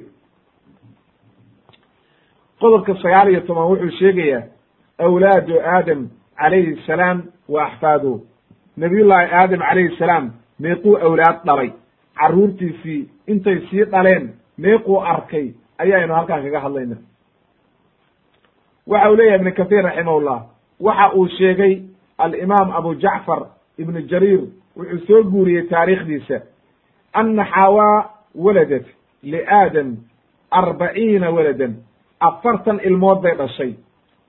Fii cishriina badnan labaatan da'ood oo mataanaa ayay waxay ku dhashay afartan ilmood. Gabar iyo wiil gabar iyo wiil ayay dheli jirtay ba lihi qaala ibnu isxaaq ayaa sheegay oo taariikhda ku keenay wa samaahum. Magacyadoodiina way sheegeen laakiin taasi waa banu israa'iyaad wey oo waxa weye waa waxyaalihii reer banu israa'iil laga keenay oo magacyadoodii in maanta la soo tiriyo wax ku sugnaaday ma jiraan wey ilaa qaabiil iyo haabiil iyo mooye intii laynoo sheegay waxaa kaloo dhan wax magacooda maanta aynu garanayna maaha wey waxaa kaloo la yidhi boqol iyo labaatan bay dhashay. Allahu aclam marka sida saxiixa kollay wax adilaa oo saxiixa ku sugnaatay ma jirto. Waxay yidhahdeen waxa ugu weynaa qaabiil walaashiina waxaa la odhan jiray qulayma waxaana ugu dembeeyey baa la yidhi awlaaddii aadam cabdulmakiis nin la odhan jiray walaashiisna la odhan jiray umulmukiis allahu aclam marka inay saxiix tahay oo waxa weye waa taariikh waa sadi walaa walaa tusadiquuhum walaa tukadibuhum wey. Xadithuu walaa xaraj. Wax dhibaataa ma leh laakiin caqiidana laga qaadan mayo. Wax axkaam oo ka sugnaanaysana ma jirto wey. Wuxuu kaloo yidhi maaragtay kabacdi markaas marka intaa dhashay ayaa dadkii bateen marka. Siduu ilaahay u yidhi yaa ayuha annaasu itaquu aladii khalaqakum min nafsin waaxida wa khalaqa minha bata minhumaa rijaalan katiira wa nisaa ilaahay dadkii waa bediyey marka oo dad aad u fara badan bay noqdeen oo waxa weye waa tarmeen markaa waxay leeyihiin ahlu taariikhu nabiyullaahi aadam markii uu dhimanayey awlaaddiisii wuxuu arkay maaragtay awlaad aad u badan oo wixii ay dhaleen awlaaddii uu dhalay iyo waxay sii dhaleen iyo waxay sii dhaleenba afar boqol oo kun oo waxa weye qof buu arkay oo waxa weye markaas waktiguu dhimanayey calayhi salaam. Ayay leeyihiin ahlu taariikhu.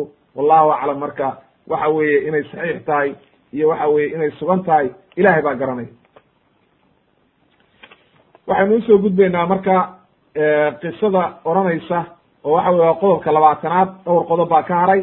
Qodobka labaatanaad wuxuu odhanayaa oo ibnu kathiir halkan ku radiyaya qiso munkar ah oo ay qaar leeyihiin dadka fii shirki aadam xawa inay xaawo iyo aadam shirki sameeyeen ayay qaar halkan ku sheegeen oo qowluhu tacaala ayay ku fasireen.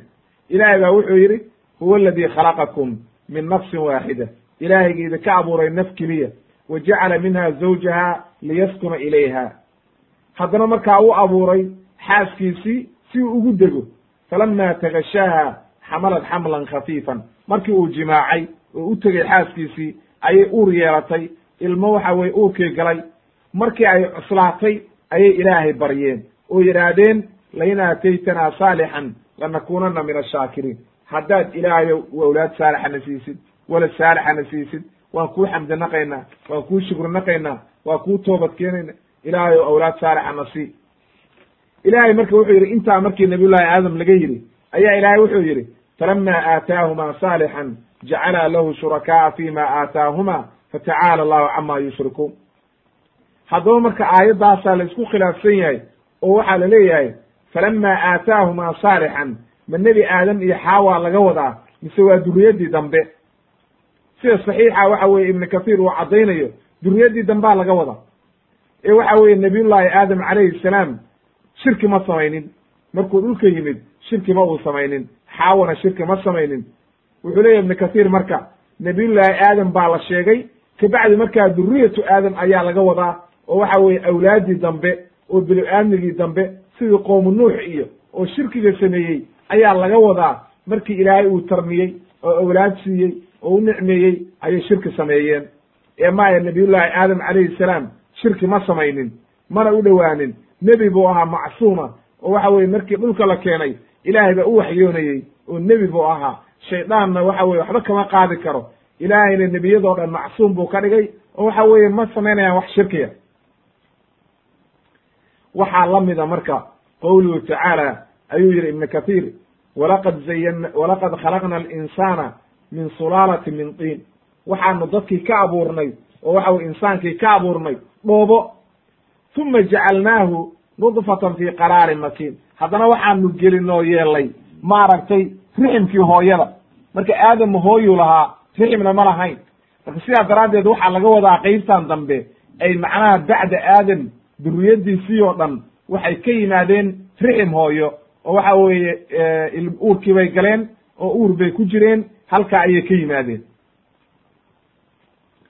Wuxuu yidhi marka ibnu kathiir sidoo kale waxaa la mid a qowluhu tacaala walaqad zayana aلsamaء addunya bimasaabixa wajacalnaaha rujuman lishayaaiin waactadna lahum cadaaba asaciir waxaa la mida buu yidhi aayadda ilaahay wuxuu inoogu caddeeyey xidigihii in dhul cirka lagu qurxiyey samada in lagu qurxiyey haddana markaa markii samada lagu qurxiyey ilaahay wuxuu yidhi wajacalnaaha rujuman lishayaaiin waxaanu ka yeela haddana jantaalo lagu gamayo waxa weeye shayaadiintii oo lagu gemayo o lagu baabiinayo haddana xidiga laftigiisii baa shaydaanka lagu gemaa oo inta la soo tuuro xidigii ayaa shaydaankii lagu dhuftaa. Waa maya wey waxa weye dambaaburada iyo ololka ka baxaya weeye ma aha waxa weye xidiga laftigiisii waxa meesha laga soo qaadayo ma aha wey. Haddaba marka halkaa waxaa ka caddaatay bu yidhi ibnu kathiir qasdiga loo jeedo falama aataahumaa saalixan duriyaddii nebi aadam weeye ma aha aadam iyo xawa shirkina ma ay samaynin. Laakiin xadiis daciifa oo arrintaa waxa weeye sugaya ayay deliishadaan dadku. Xasan albasri ayaa wuxuu werinayaa in laga weriyey samura inuu yihi nebiga ayaa wuxuu yidhi lamaa xamalat xawa markay xaawo uur yeelatay daafa biha ibliis. Ibliis ayaa ku dawaafay oo ku dul wareegey wa kaana laa yaciishu laha waladun. Ilmana uma noolaan jirin oo ilmuhu waa ka dhiman jireen. Markaasuu waxay wuxuu yidhi waxaad ku magacowdaa cabdilxaaris. Haddaad ku magacowdid wuu noolaanaya. Markaasay ku magacowday. Markay ku magacaabeen ayuu noolaaday. Wa kaana dalika min waxyi shaydaan wa amrih amarkii shaydaan ayay raaceen iyo waxyigiisii. Xadiidka imaamu axmed iyo tirmidi baa weriyey waana xadiis daciifa. Sheikh albani wuxuu ku daciifiyey fi sunani tirmidi saddex kun toddobaatan iyo toddoba iyo silsilati axaadiis daciifa saddex boqol iyo afartan iyo labo. Waa xadiis daciifa wey mana sugna marka marka sida saxiixa waxa weeye dadka shirkiga sameeyey waa duriyadii dambe oo nabiyullaahi aadame ma aha aadam iyo xawo ma aha shirkina ma ay samayn. Waxaan u soo gudbaynaa marka qodobka koob iyo labaatan oo odhanaya wafaatu aadam calayhi salaam. Nabiyullaahi aadam oo waxa weeye dhimanaya oo geeridii u timid ayaynu halkaana kaga hadlaynaa. Wuxuu yidhi waxaa laga wariyey can ubay ibni kacb radi allahu canhu waxaa laga warinaya inuu yidhi nebigaa wuxuu yidhi calayhi salaatu wasalaam lama tuwufiya aadam ghasalat lmalaa'ika malaa'igta ayaa dhaqday bilmaa'i witran. Tiro isdheer bay ku dhaqeen. Oo macnaha ama saddex ama shan ama toddobo saasay u dhaqeen. Waa tirada isdheer ayaa la yidhahdaa witr. Walaxad alxadu maaragtay godkiina way u qodeen oo iilkay geliyeen oo iilkii bay u sameeyeen. Markaasay waxay yidhahdeen haadihi sunnatu maaragtay bini-aadam inta la hadleen carruurtii ayay waxay yidhahdeen haadihi sunnatu aadam fii waladi saasay ilmaha nebi aadam isku xabaali doonaan oo waxa weeye saasay noqonaysaa habka ay isku xabaalaan. Xadiidka xaakim baa weriyey wuuna saxiixiyey sheikha albanina waa saxiixiyey fi saxiix iljaamic shan kun iyo laba boqol iyo toddobo ayuu waxa weye xadiis saxiixa wey laakiin riwaayadda dambe ayaa ka waadixsan oo waxa weeye aad iyo aad u waadixsan oo xaakim uu weriyey taasaynu marka si fiican uga fahmaynaa arrinta. Waxa uu yidhi nabiga calayhi salatu salaam in laga wariyey inuu yidhi ina aadama lama xadarahu lmowt nabiyullaahi aadam markii geeridii u timid oo uu arkay inuu dhimanayo ayuu waxa uu yidhi awlaaddiisii buu la hadlay. Wuxuu yidhi mirihii jannada ayaan rabaa oon jeclahay inaan helo. Markaasay baxeeno waxay dhahen waa kuu doonayna. Malaa'igtii baa ka hor timid. Waxay dhahen war xaggee u socotaan. Malaa'igtii oo wadata kafantii ay nabiyullaahi aadam ku kafni lahaayeen iyo wixii ay marmarin lahaayeen ayay waxa weeye carabtii jannada iyagoo u wada ayay u yimaadeen. Markaasay waxay yidhahdeen xaggee u socotaan. Markaasay waxay yidhahdeen aabbahayaa xanuunsano waxa uu jecel yahay oo uu rabaa mirihii jannada. Markaasu waxay yidhahen orda noqda. Aabihii waxa weye waktigiisi waa dhammaaday oo waxa weye waa dhimanayaa orda noqda. Way soo noqdeen. Markay u yimaadeen malaa'igtiina la socoto oo aadam iyo xaawo gurigii jooga u yimaadeen ayaa xaawo aragtay. Markaasay garatay inuu meleke mawd yahay. Markaasay aadam isku duubtay. Oo waxa weye ku barooratay. Ila waa ninkeedii ay jeclayd wey oo waxa weye intaas oo dhan la soo rafaadayey markaasay waxa weye ku barooratay oo ku dhegtay. Markaasuu wuxuu yidhi aadam ilayka canii iga joog oo iga tagaa sukay duubine. Fa inamaa fa inii inamaa uutiitu min qibalaki. Anigoo dhan ba dhibaatada waxay iga timid xaggaaga. Jannadaan isaga jiray. Markii adiga lagu abuuray ayaa dhibaatoo dhan ba iigu horreysay. Oo waxa weeye shaydaan iyo waxa weye mashaakil oo dhan iigu horreeye iga joogsa wey markaasu wuxuu yidhi malaa'igta ilaahay aniga noo kala dhex bax. Malaa'igtii baa naftii ka qabatay. Wagasaluuhu way dhaqeen wa kafanuuhu way kafneen waxanaduuhu waxay marmariyeen waxyaalihii carabta oo jannada. Wa xafaruu lahu godkii bay u qodeen walaxaduuhu luxudkii bay sameeyeen waa iilka weye wa salluu calayhi way ku tukadeen uma adkhaluuhu qabrahu qabrigii bay geliyeen fawadacuuhu way dhigeen fii qabrihi qabrigiisii bay dhigeen uma xasuu calayhi ciiddii bay ku rogeen uma qaaluu waxay yidhaahdeen yaa bani aadam haadihi sunnatukum wataasaa isku xabaala oo waxa weye noocaa sameeya ayuu waxa weye ku yidhaahdeen. xaakim ayaa weriyey wa saxaxahu wa waafaqahu dahabi waa xadiis saxiixa marka imaamu xaakim iyo imaamu dahabi ayaa saxiixiyey wey halkaa marka waxay nooga caddaatay inay waxa weeye malaa'igtu ay dhaqday oo godkii gelisay oo waxa weye ay kafneen ayaa intaasoo dhan inoo caddaysay wey oo halkaa inooga caddaatay oo waxa weye halkaa ino ino maarata xadiistaasi inoo caddeeye wey wuxuu yidhi ibnu kathiir marka raximahullah waxaa la isku khilaafay fii mawdici dafni meeshii lagu xabaalay iyo godkeeba xaggeebu ahaa dhulka lagu xabaalay ayaa la isku khilaafay marka wuxuu yidhi marka mashhuur waxa a buu yidhi in lagu xabaalay maaragtay buurtii lagu soo dejiyey oo hindiya ku tiilay. Ahlu taarikh waxay leeyihiin nabiyullaahi aadam markii dhulka loo soo dejiyey buur hindiya ku taalla oo ay magacaabeen buurtaasaa waxa weye lagu soo dejiyey. Ayay leeyihiin. Qaarna waxay leeyihiin maya makaa lagu soo dejiyey oo carafa ayaa lagu soo dejiyey. Marka wuxuu leyahy ibnu kathiir waxay leeyihiin halkaasaa lagu xabaalay.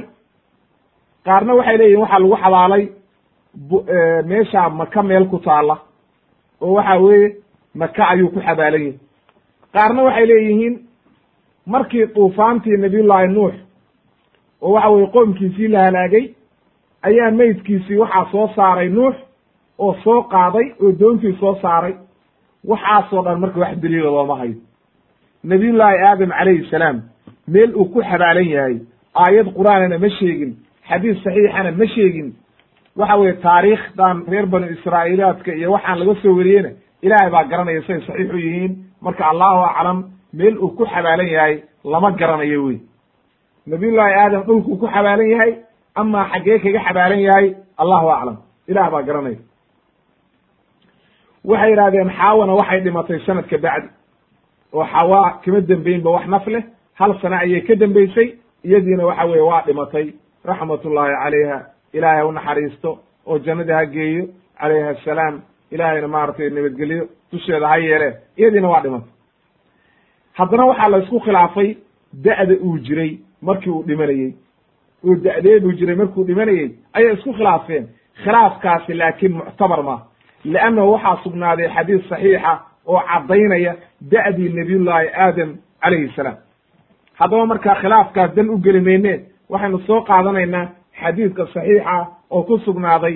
Ayaynu sheegaynaa xadiidkaasaa inoo caddaynaya da'da uu jiray nabiyullaahi aadam oo waxa weye markii horeba loo qoray da'diisu intay ahayd. Xadiidkii imaamu tirmidi uu wariyey wuxuu yidhi abu hureyre laga wariyey qaala rasuulu llahi sala allahu alayh wasalam lama khalaqa allahu aadama wa nafaka fiihi ruuxa cadasha cadasha wuu hindhisay. Markii naftii lagu afuufay ayuu hindhisay. Faqaala wuxuu yidhi alxamdu lilah ilaahay idinkiisa ayuu ku mahadiyey ilaahay baa markaa wuxuu ku yidhi yarxamuka allah ya aadam ilahay ha kuu naxariisto. Orod tag baa la yidhi malaa'igtaa u tag oo soo salaan malaa'ig meel fadhiday. Markaasuu intuu u tegey wuxuu ku yidhi assalaamu calaykum. Markaasay waxay ku yidhahdeen iyagiina alayka wa calayka asalaamu waraxmat ullah markaasuu haddana ilaahay u soo noqday markaasuu ilaahay wuxuu ku yidhi haada taxiyatuka wa taxiyatu baniika baynahum. Salaantaasi waxa weeye midda aad isku salaami doontaan adiga iyo ilmahaagu iyo duriyaddaadu isku salaami doonto weeye. Ilaahay baa wuxuu ku yidhi markaa labadiisi gacmood labadayda gacmood tii aa rabti dooro intuu ilaahay gacmaha qabtay oo waxa weeye gacanta sidii adoo wax ku qarinayoo kale xantoobo inta ka samaysid oo faraha soo laabtid ayaa waxaa la yidhi labada gacmood tee rabtaa dooro mid. Ikhtar ayuhumaa shiit tii aad doonti dooro. Markaasuu wuxuu yidhi waxaan doortay midigta ilaahay. Labada gacmood oo ilaahayna waa midig mubaaraka oo wanaagsan wey laakiin anigu waxaan doortay midigta. Markaasaa ilaahay uu waxa weeye midigtii fidiyey. Markaasaa waxaa ku jira duriyaddii nebi aadam oo dhan ayaa halkaa ku jira markaasaa qof walbana waxaa labada labada indhood dhexdooda kaga qoran da'dii uu noolaan lahaa. Oo kulligood mid walba da'dii baa halkaa wejigaa kaga qoran. Nebigu wuxuu yidhi wuxuu arkay nin aad iyo aad u qurux badan fa idaa fiihim rajulun adwa'uhum. Nin aad u ifaya oo qurux badan oo dhalaalaya oo dadka aad u qurux badan ka mida ayuu arkay. Markaasu wuxuu yidhi ilaahayow muxuu yahay ninkaas dadkoo dhan ka duwan oo quruxda badan. Markaasuu ilaahay wuxuu yidhi waa wiilkaaga daawuud nabiyullaahi daawuud wey waxaan u qoray cumrigiisa arbaciina sana afartan sano ayaan u qoray uu noolaanaya. Markaasu waxa weeye intuu ka naxay wuxuu yidhi ilaahayo u ziyaadi oo waxa weye intaa uga badi markaasuu yidhi ilaahay aniga intaasaan u qoray intaasuna noolaanaya markaasu wuxuu yidhi ilaahu aniga cimrigaygii intii aan noolaan lahaa lixdan sano ugu dar oo boqol uga dhig. Markaasaa la yidhaahaye adiga ayaa arrintaas ogolaaday. Waxa weye haddaa ogolaatayna waa loo waa looga dhigaya marka. Markaasu waxa uu yidhi marka nabiga calayhi salaatu wasalaam jannada ayaa la dejiyey.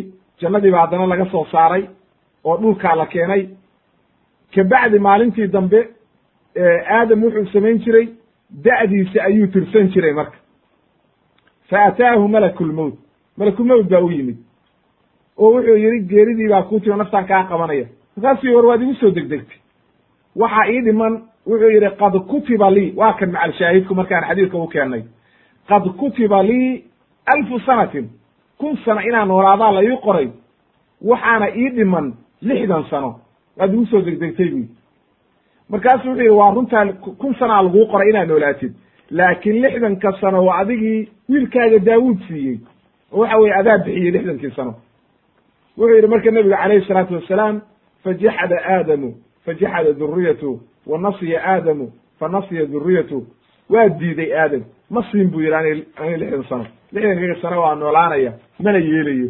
Ee waxa weeye orod intaad noqotid lixdan sano kabacdi imow markaas ayuu nebigu wuxuu yidhi maalintaa ayaa waxaa la amray malaa'igtu inay kitaabada qoraan oo waxa weeye mar walba wax kasta oo bilow aadmigu ay sameeyaan in la qoro maalintaasaa la bilaabay wey xadiidka imaamu tirmidi baa weriyey wa sheikh albani fi sunan tirmidi saddex kun iyo saddex boqol lixdan iyo sideed iyo mishkaat almasaabiix afar kun iyo lix boqol lixdan iyo labo. Ayuu ku saxiixiyey waa xadiis saxiixa wey halkaa waxaynu ka garanay marka nabiyullaahi aadam da'diisu kun sano bay ahayd. Kunkii sanuuna dhamaystay kabacdina waa dhintay. Amaa waxa weeye khilaaf in la gelgeliyo iyo aqwaal kale waxaa muctabar maa waxna ka soo qaad male mar haddii xadiidka nebiga calayhi salatu salaam uu sugnaaday waxa weeye wax kale oo la qaadanayo ma jiraan wey. Qodobka labiyo labaatanaad waxa uu leeyahay ikhraaju bacti nnaar duriyaddii nebi aadam oo aakhiro la keenay oo dhooban oo markaa la leeyahay aadamow ka soo saar dadkan aad duriyaddaadii intii naarta geli lahayd. Marka meeqaa duriyadda nebi aadam naar gelaysa meeqaasa janno gelaysa ayaynu halkan waxa weye ku kala saarayna. Xadiidkii abi hureyra waxaa ku sugnaaday uu nebiga inuu ka wariyey uu yidhi qofka ugu horreeya maalinta yowma alqiyaamaha awalu man yudcaa yowma alqiyaama aadam. Aadam ayaa ilaahay u yeeraya. Markaasay awlaaddiisii oo dhan istusayaan markaasaa la odhanayaa haadaa abuukum aadam wakaa aabihiin aadam ee fiirsada wakaas wey. Ilaahay buu ajiibaya markaasuu ilaahay u imaanaya ilaahay baa wuxuu dhahayaa waxaad soo saartaa duriyaddaada intii jahanabo geli lahayd. Markaasuu leeyahay ilaahayow meeqaa soo saara markaasay waxaa la leeyahay waxaad soo saartaa boqolkiiba sagaashan iyo sagaal. Saxaabadii baa yaabay oo waxay yidhahdeen rasuulkii waxay ku yidhaahdeen rasuulka ilaahay oo haddii boqolkiiba sagaashan iyo sagaal naar loo dareeriyo famaadaa famaadaa yabqaa mina maxaa naga haraya marka? Markaasuu nebigu waxa uu yidhi calayhi salaatu wasalaam waxa uu yidhi ina ummatii ummadayda fi lumami kashacrati albaydaa fi thawri alaswad. Ummadaydu waxay ummadaha ku noqonaysaa aakhire markii la yimaado sida debi madow oo waxa weeye xabad hal tin oo cad uu ku yaallo kashacrati albaydaa tin cad fi thawri alaswad dibi madow oo gebigiisuba wada dhogor madow leh hal tin oo cad maxay ka dhimaysaa marka waa wax yar wey haddaba marka waxa weeye ummadda markii loo fiiriyo ummadihii hore oo dhan la isku keeno ummadda islaamku wax yar bay noqonaysaa marka jannaad intiina badan gelaysaan intii islaamta laakiin gaalada ayaa badan leanno caalamka maanta waad u jeedaa mar walba waxa weeye gaaladii ayaa badan ilaa yowma qiyaamana waa saas wey xadiidka imaam albukhaari ayaa weriyey lix kun iyo laba boqol labaatan iyo sagaal. Riwaayad kale waxay ahayd inuu nebigu yidhi markuu aadam la yidhaahdo ka soo saar ayaa waxaa la odhanayaa waxaad soo saartaa kunkiiba sagaal boqol sagaashan iyo sagaal naarta u dareeri. Markaasaa waxa weeye nebigu wuxuu yidhi fa cindaha yashiibu asagiir wa tadacu kulu daati xamlin xamlaha wa tara nnaasa sukaara wama hum bisukaara walaakina cadaab allahi shadiid markii la yidhaahdo kunkiiba sagaashan sagaal boqol iyo sagaashan iyo sagaal naarta u dareeri ayuu qof walba naxaya oo gariiraya oo waxa weeye qof walba ciroobaya oo dhibaata ku dhacaysa oo dadki aad moodaa inay sarqaansan yihiin markaasay waxay yidhahdeen rasuulka ilaahayow oo yaa noqonaya midkaa marka haddii kunkii qofba naar loo dareeriyo hal qof laga reebo hadda cidioma harin markaasuu nebigu wuxuu yidhi fa ina minkum rajulan. Nin idinkeeda ka mid a abshiru buu yidhi bishaaraysta. Fa ina minkum rajulan. Nin idinkeeda ka mid aha jannada aadaya. Wa min ya'juuj wa maajuuj alfun. Kun ya'juuj wa maajuujana naar baa loo dareerinaya. Marka halkaa waxay nooga caddaatay ya'juuj wa maajuuj inay bilow aadmiga ka mid yihiin.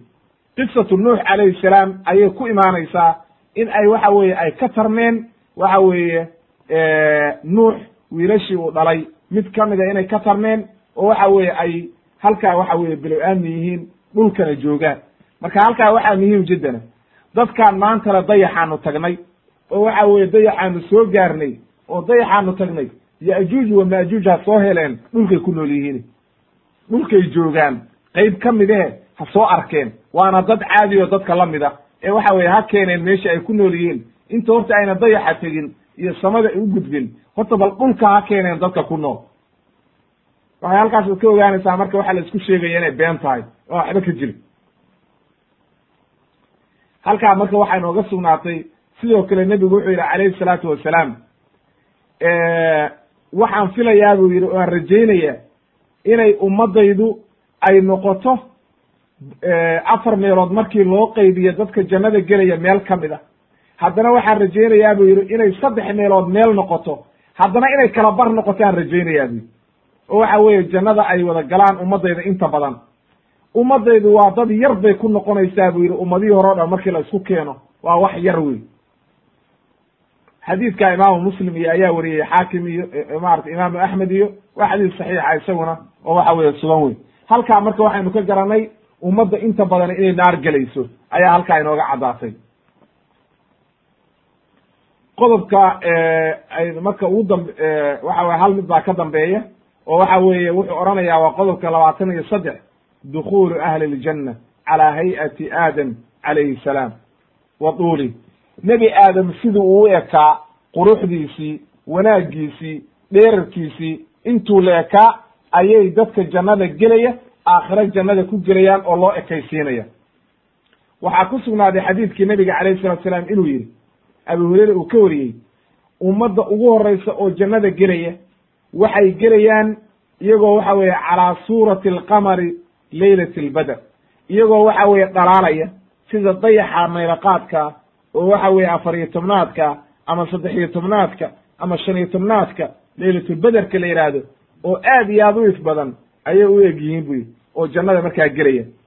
Qolada ku xigtana waxay u egyihiin xidiga ugu waa ugu weyn oo samada ka muuqda oo nuuraya.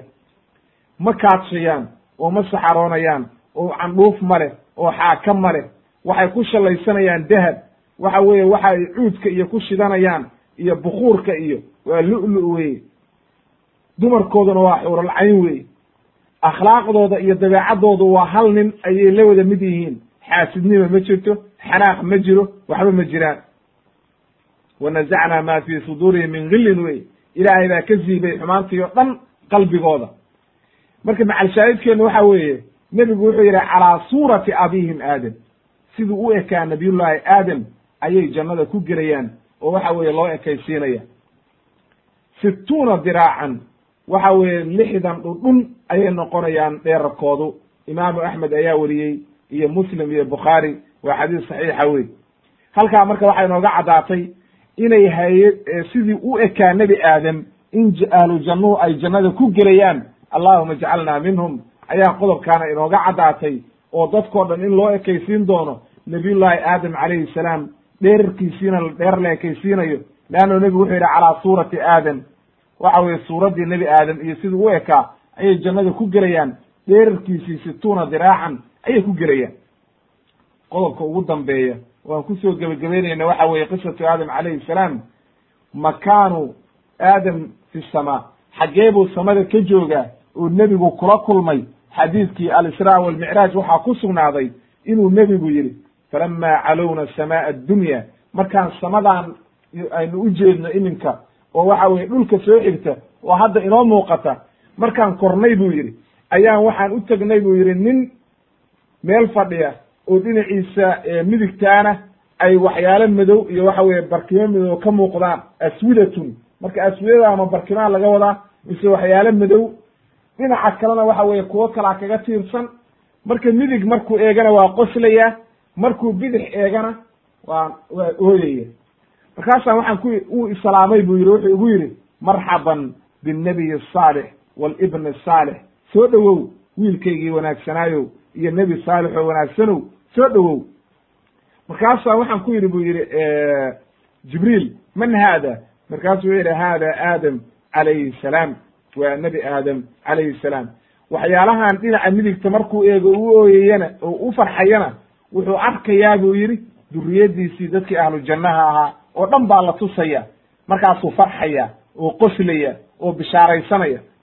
Bidixda markuu eegana ahlu naarkii oo dhan buu arkaya markaasuu naxaya oo waxa weeye ooyaya oo waxa weeye murugoonaya duriyadiisii oo naar ilaahay ku guray oo waxa weeye naar gelaysa ayuu ka naxayaa shaydaan uu duufsaday xadiidkii marka alisraa walmicraaj oo dheeraa ayay arrintaa ku sugnaatay oo bukhaari weriyey anas ibnu malik iyo laga weriyey oo waxa weeye saxiixa ayay ku sugnaatay.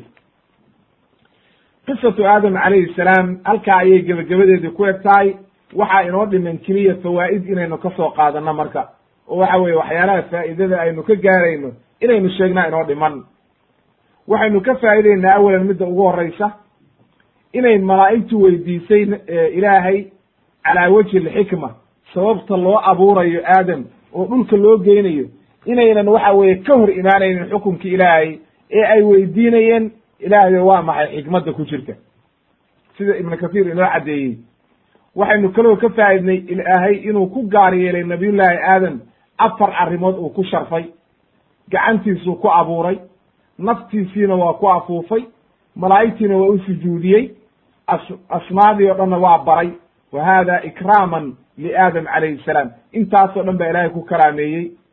Waxaynu kaloo ka faa'ideynaa qiyaasta in wax la qiyaasto haddii naski yaallo oo wax nasa laguu sheego qiyaas ma aadi kartid waa faasid weeye waa camalkii ibliis uu sameeyey wey marka iska ilaali wax aad nas u haysid oo waxa weeye ilaahay kitaabkiisa ku sugnaaday iyo sunnaha nebiga calayhi salaatu wassalaam qiyaas ha raaraadsanin akhilmuslim aad iyo aad isaga ilaali. Waxaynu kaloo ka faa'ideynaa inayna bannaanayn in la khilaafo amarka ilaahay oo waxa weeye xaqa la cinaado leanno sababtii ibliis jannada ka saartay oo naxariistii ilaahay ka dheeraysiisay waxay noqotay xaqi ilaahay buu diiday u hoggaansami waayey. Ha la iska ilaaliyo marka arrintaana waa khatar weyn. Cadaawadda uu inagula jiro ibliis ayaa ilaahay inoo caddeeyey. Leanno aabbaheen ayuu ka soo saaray iyo hooyadeen ayuu jannada ka soo saaray. Innagoo dhanna inuu ina dhumiyo ayuu rabaa. Oo waxa weye inuu ina baadiyeeyo ayuu rabaa. Dhaar buu ku maray ilaahay horti ilaahay isagoo hortaagan ayuu dhaar ku maray inuu duriyadda nebi aadan dhuminayo. Waxaynu kaloo ka faa'ideynaa fadliga ay leedahay iyo wanaagga alrujuucu ila allah ilahay in loo toobad keeno wanaagga ay leedahay ayaynu ka faa'ideynaa waxaynu kaloo ka faa'ideynaa ibliis awooddiisoo dhan inay tahay waswaas ee unan hub haysan awood haysan wax kala haysan waswaas unbuu wadaa iyo dadki inuu waswaasiyo oo waxa weeye been u sheego oo kuu qurxiyo adduunyada iyo waxyaalo beena. Waxaynu kaloo ka faa'ideynaa qofkii ilaahay dariiqiisa raaca kitaabka iyo sunnaha raaca inuu waxa weeye adduunkana uu guuraysanayo oo waxa weeye una dhumaynin oo baadiyoobaynin aakhirana uu janno tegayo. Qofkii diida oo ka leexda adduunkana inuu nolol xun ku noolaanayo aakhirana uu naar gelayo ayaa ilaahay inoo caddeeyey. Waxaa ilaahay inoo caddeeyey oo kale nabiyullaahi aadam calayhi salaam qisadan waxay inooga caddaatay nabiyullaahi aadam maalin jumcaa in la abuuray maalin jumcaana jannada la geliyey. Maalin jumcaana laga soo saaray. Maalin jumcaana ay qiyaamuhu dhacayo. Waxay inooga caddaatay qisadan. Ilaahay markuu aadam abuurayey inuu dhulka oo dhan xantoobo laga qabtay oo ciid isku jirta oo kala duduwan laga abuuray dadkiina saasay u kala duwan yihiin. Marka madowgu meel kale kama imaanin oo caddaantu meel kale kama imaanin sharaf la isdheer yahayna ma aha ciiddii weeye oo asalka ciiddii laynaga abuuray ayaa noocaa ahayd. Miisaaqdii iyo ballantii nabiyullahi duriyaddii nebi aadam laga qabtay ayaa waxay ahayd in waxa weeye inaan ilaahay loo shirki yeelin. Marka alastu birabbikum waa inagii nidhi bela markii layna yidhi ilaahay maaha ilaah kale maleydin sow ma aha. Belaa baynu nidhi ilaah adaa rabbi noo ah. Haddaba yaan shirki la samaynin oo shirkiga banaanka ha laga maro oo ilaahay ha laga baqo. Waxa inooga caddaatay oo halkan qisadan inoo caddaysay inay waxa weeye khalqu aadam wa tuuluhu. In ilaahay uu nabiyullaahi aadam abuuray lixdan dhudhun. Dadka ahlu jannadana ay ku gelayaan siduu u ekaa nebi aadam iyo waxa weye dheerarkiisii inay jannada ku gelayaan. Waxaa inooga caddaatay qisadan mafsadada ay leedahay itibaacu alhawa wa mukhaalafatu sharci. Leanna qaabiil markuu walaalkii dilayey hawadiisa ayuu raacay oo sharcigiibuu khilaafay. Haddaba waa khatar weyn.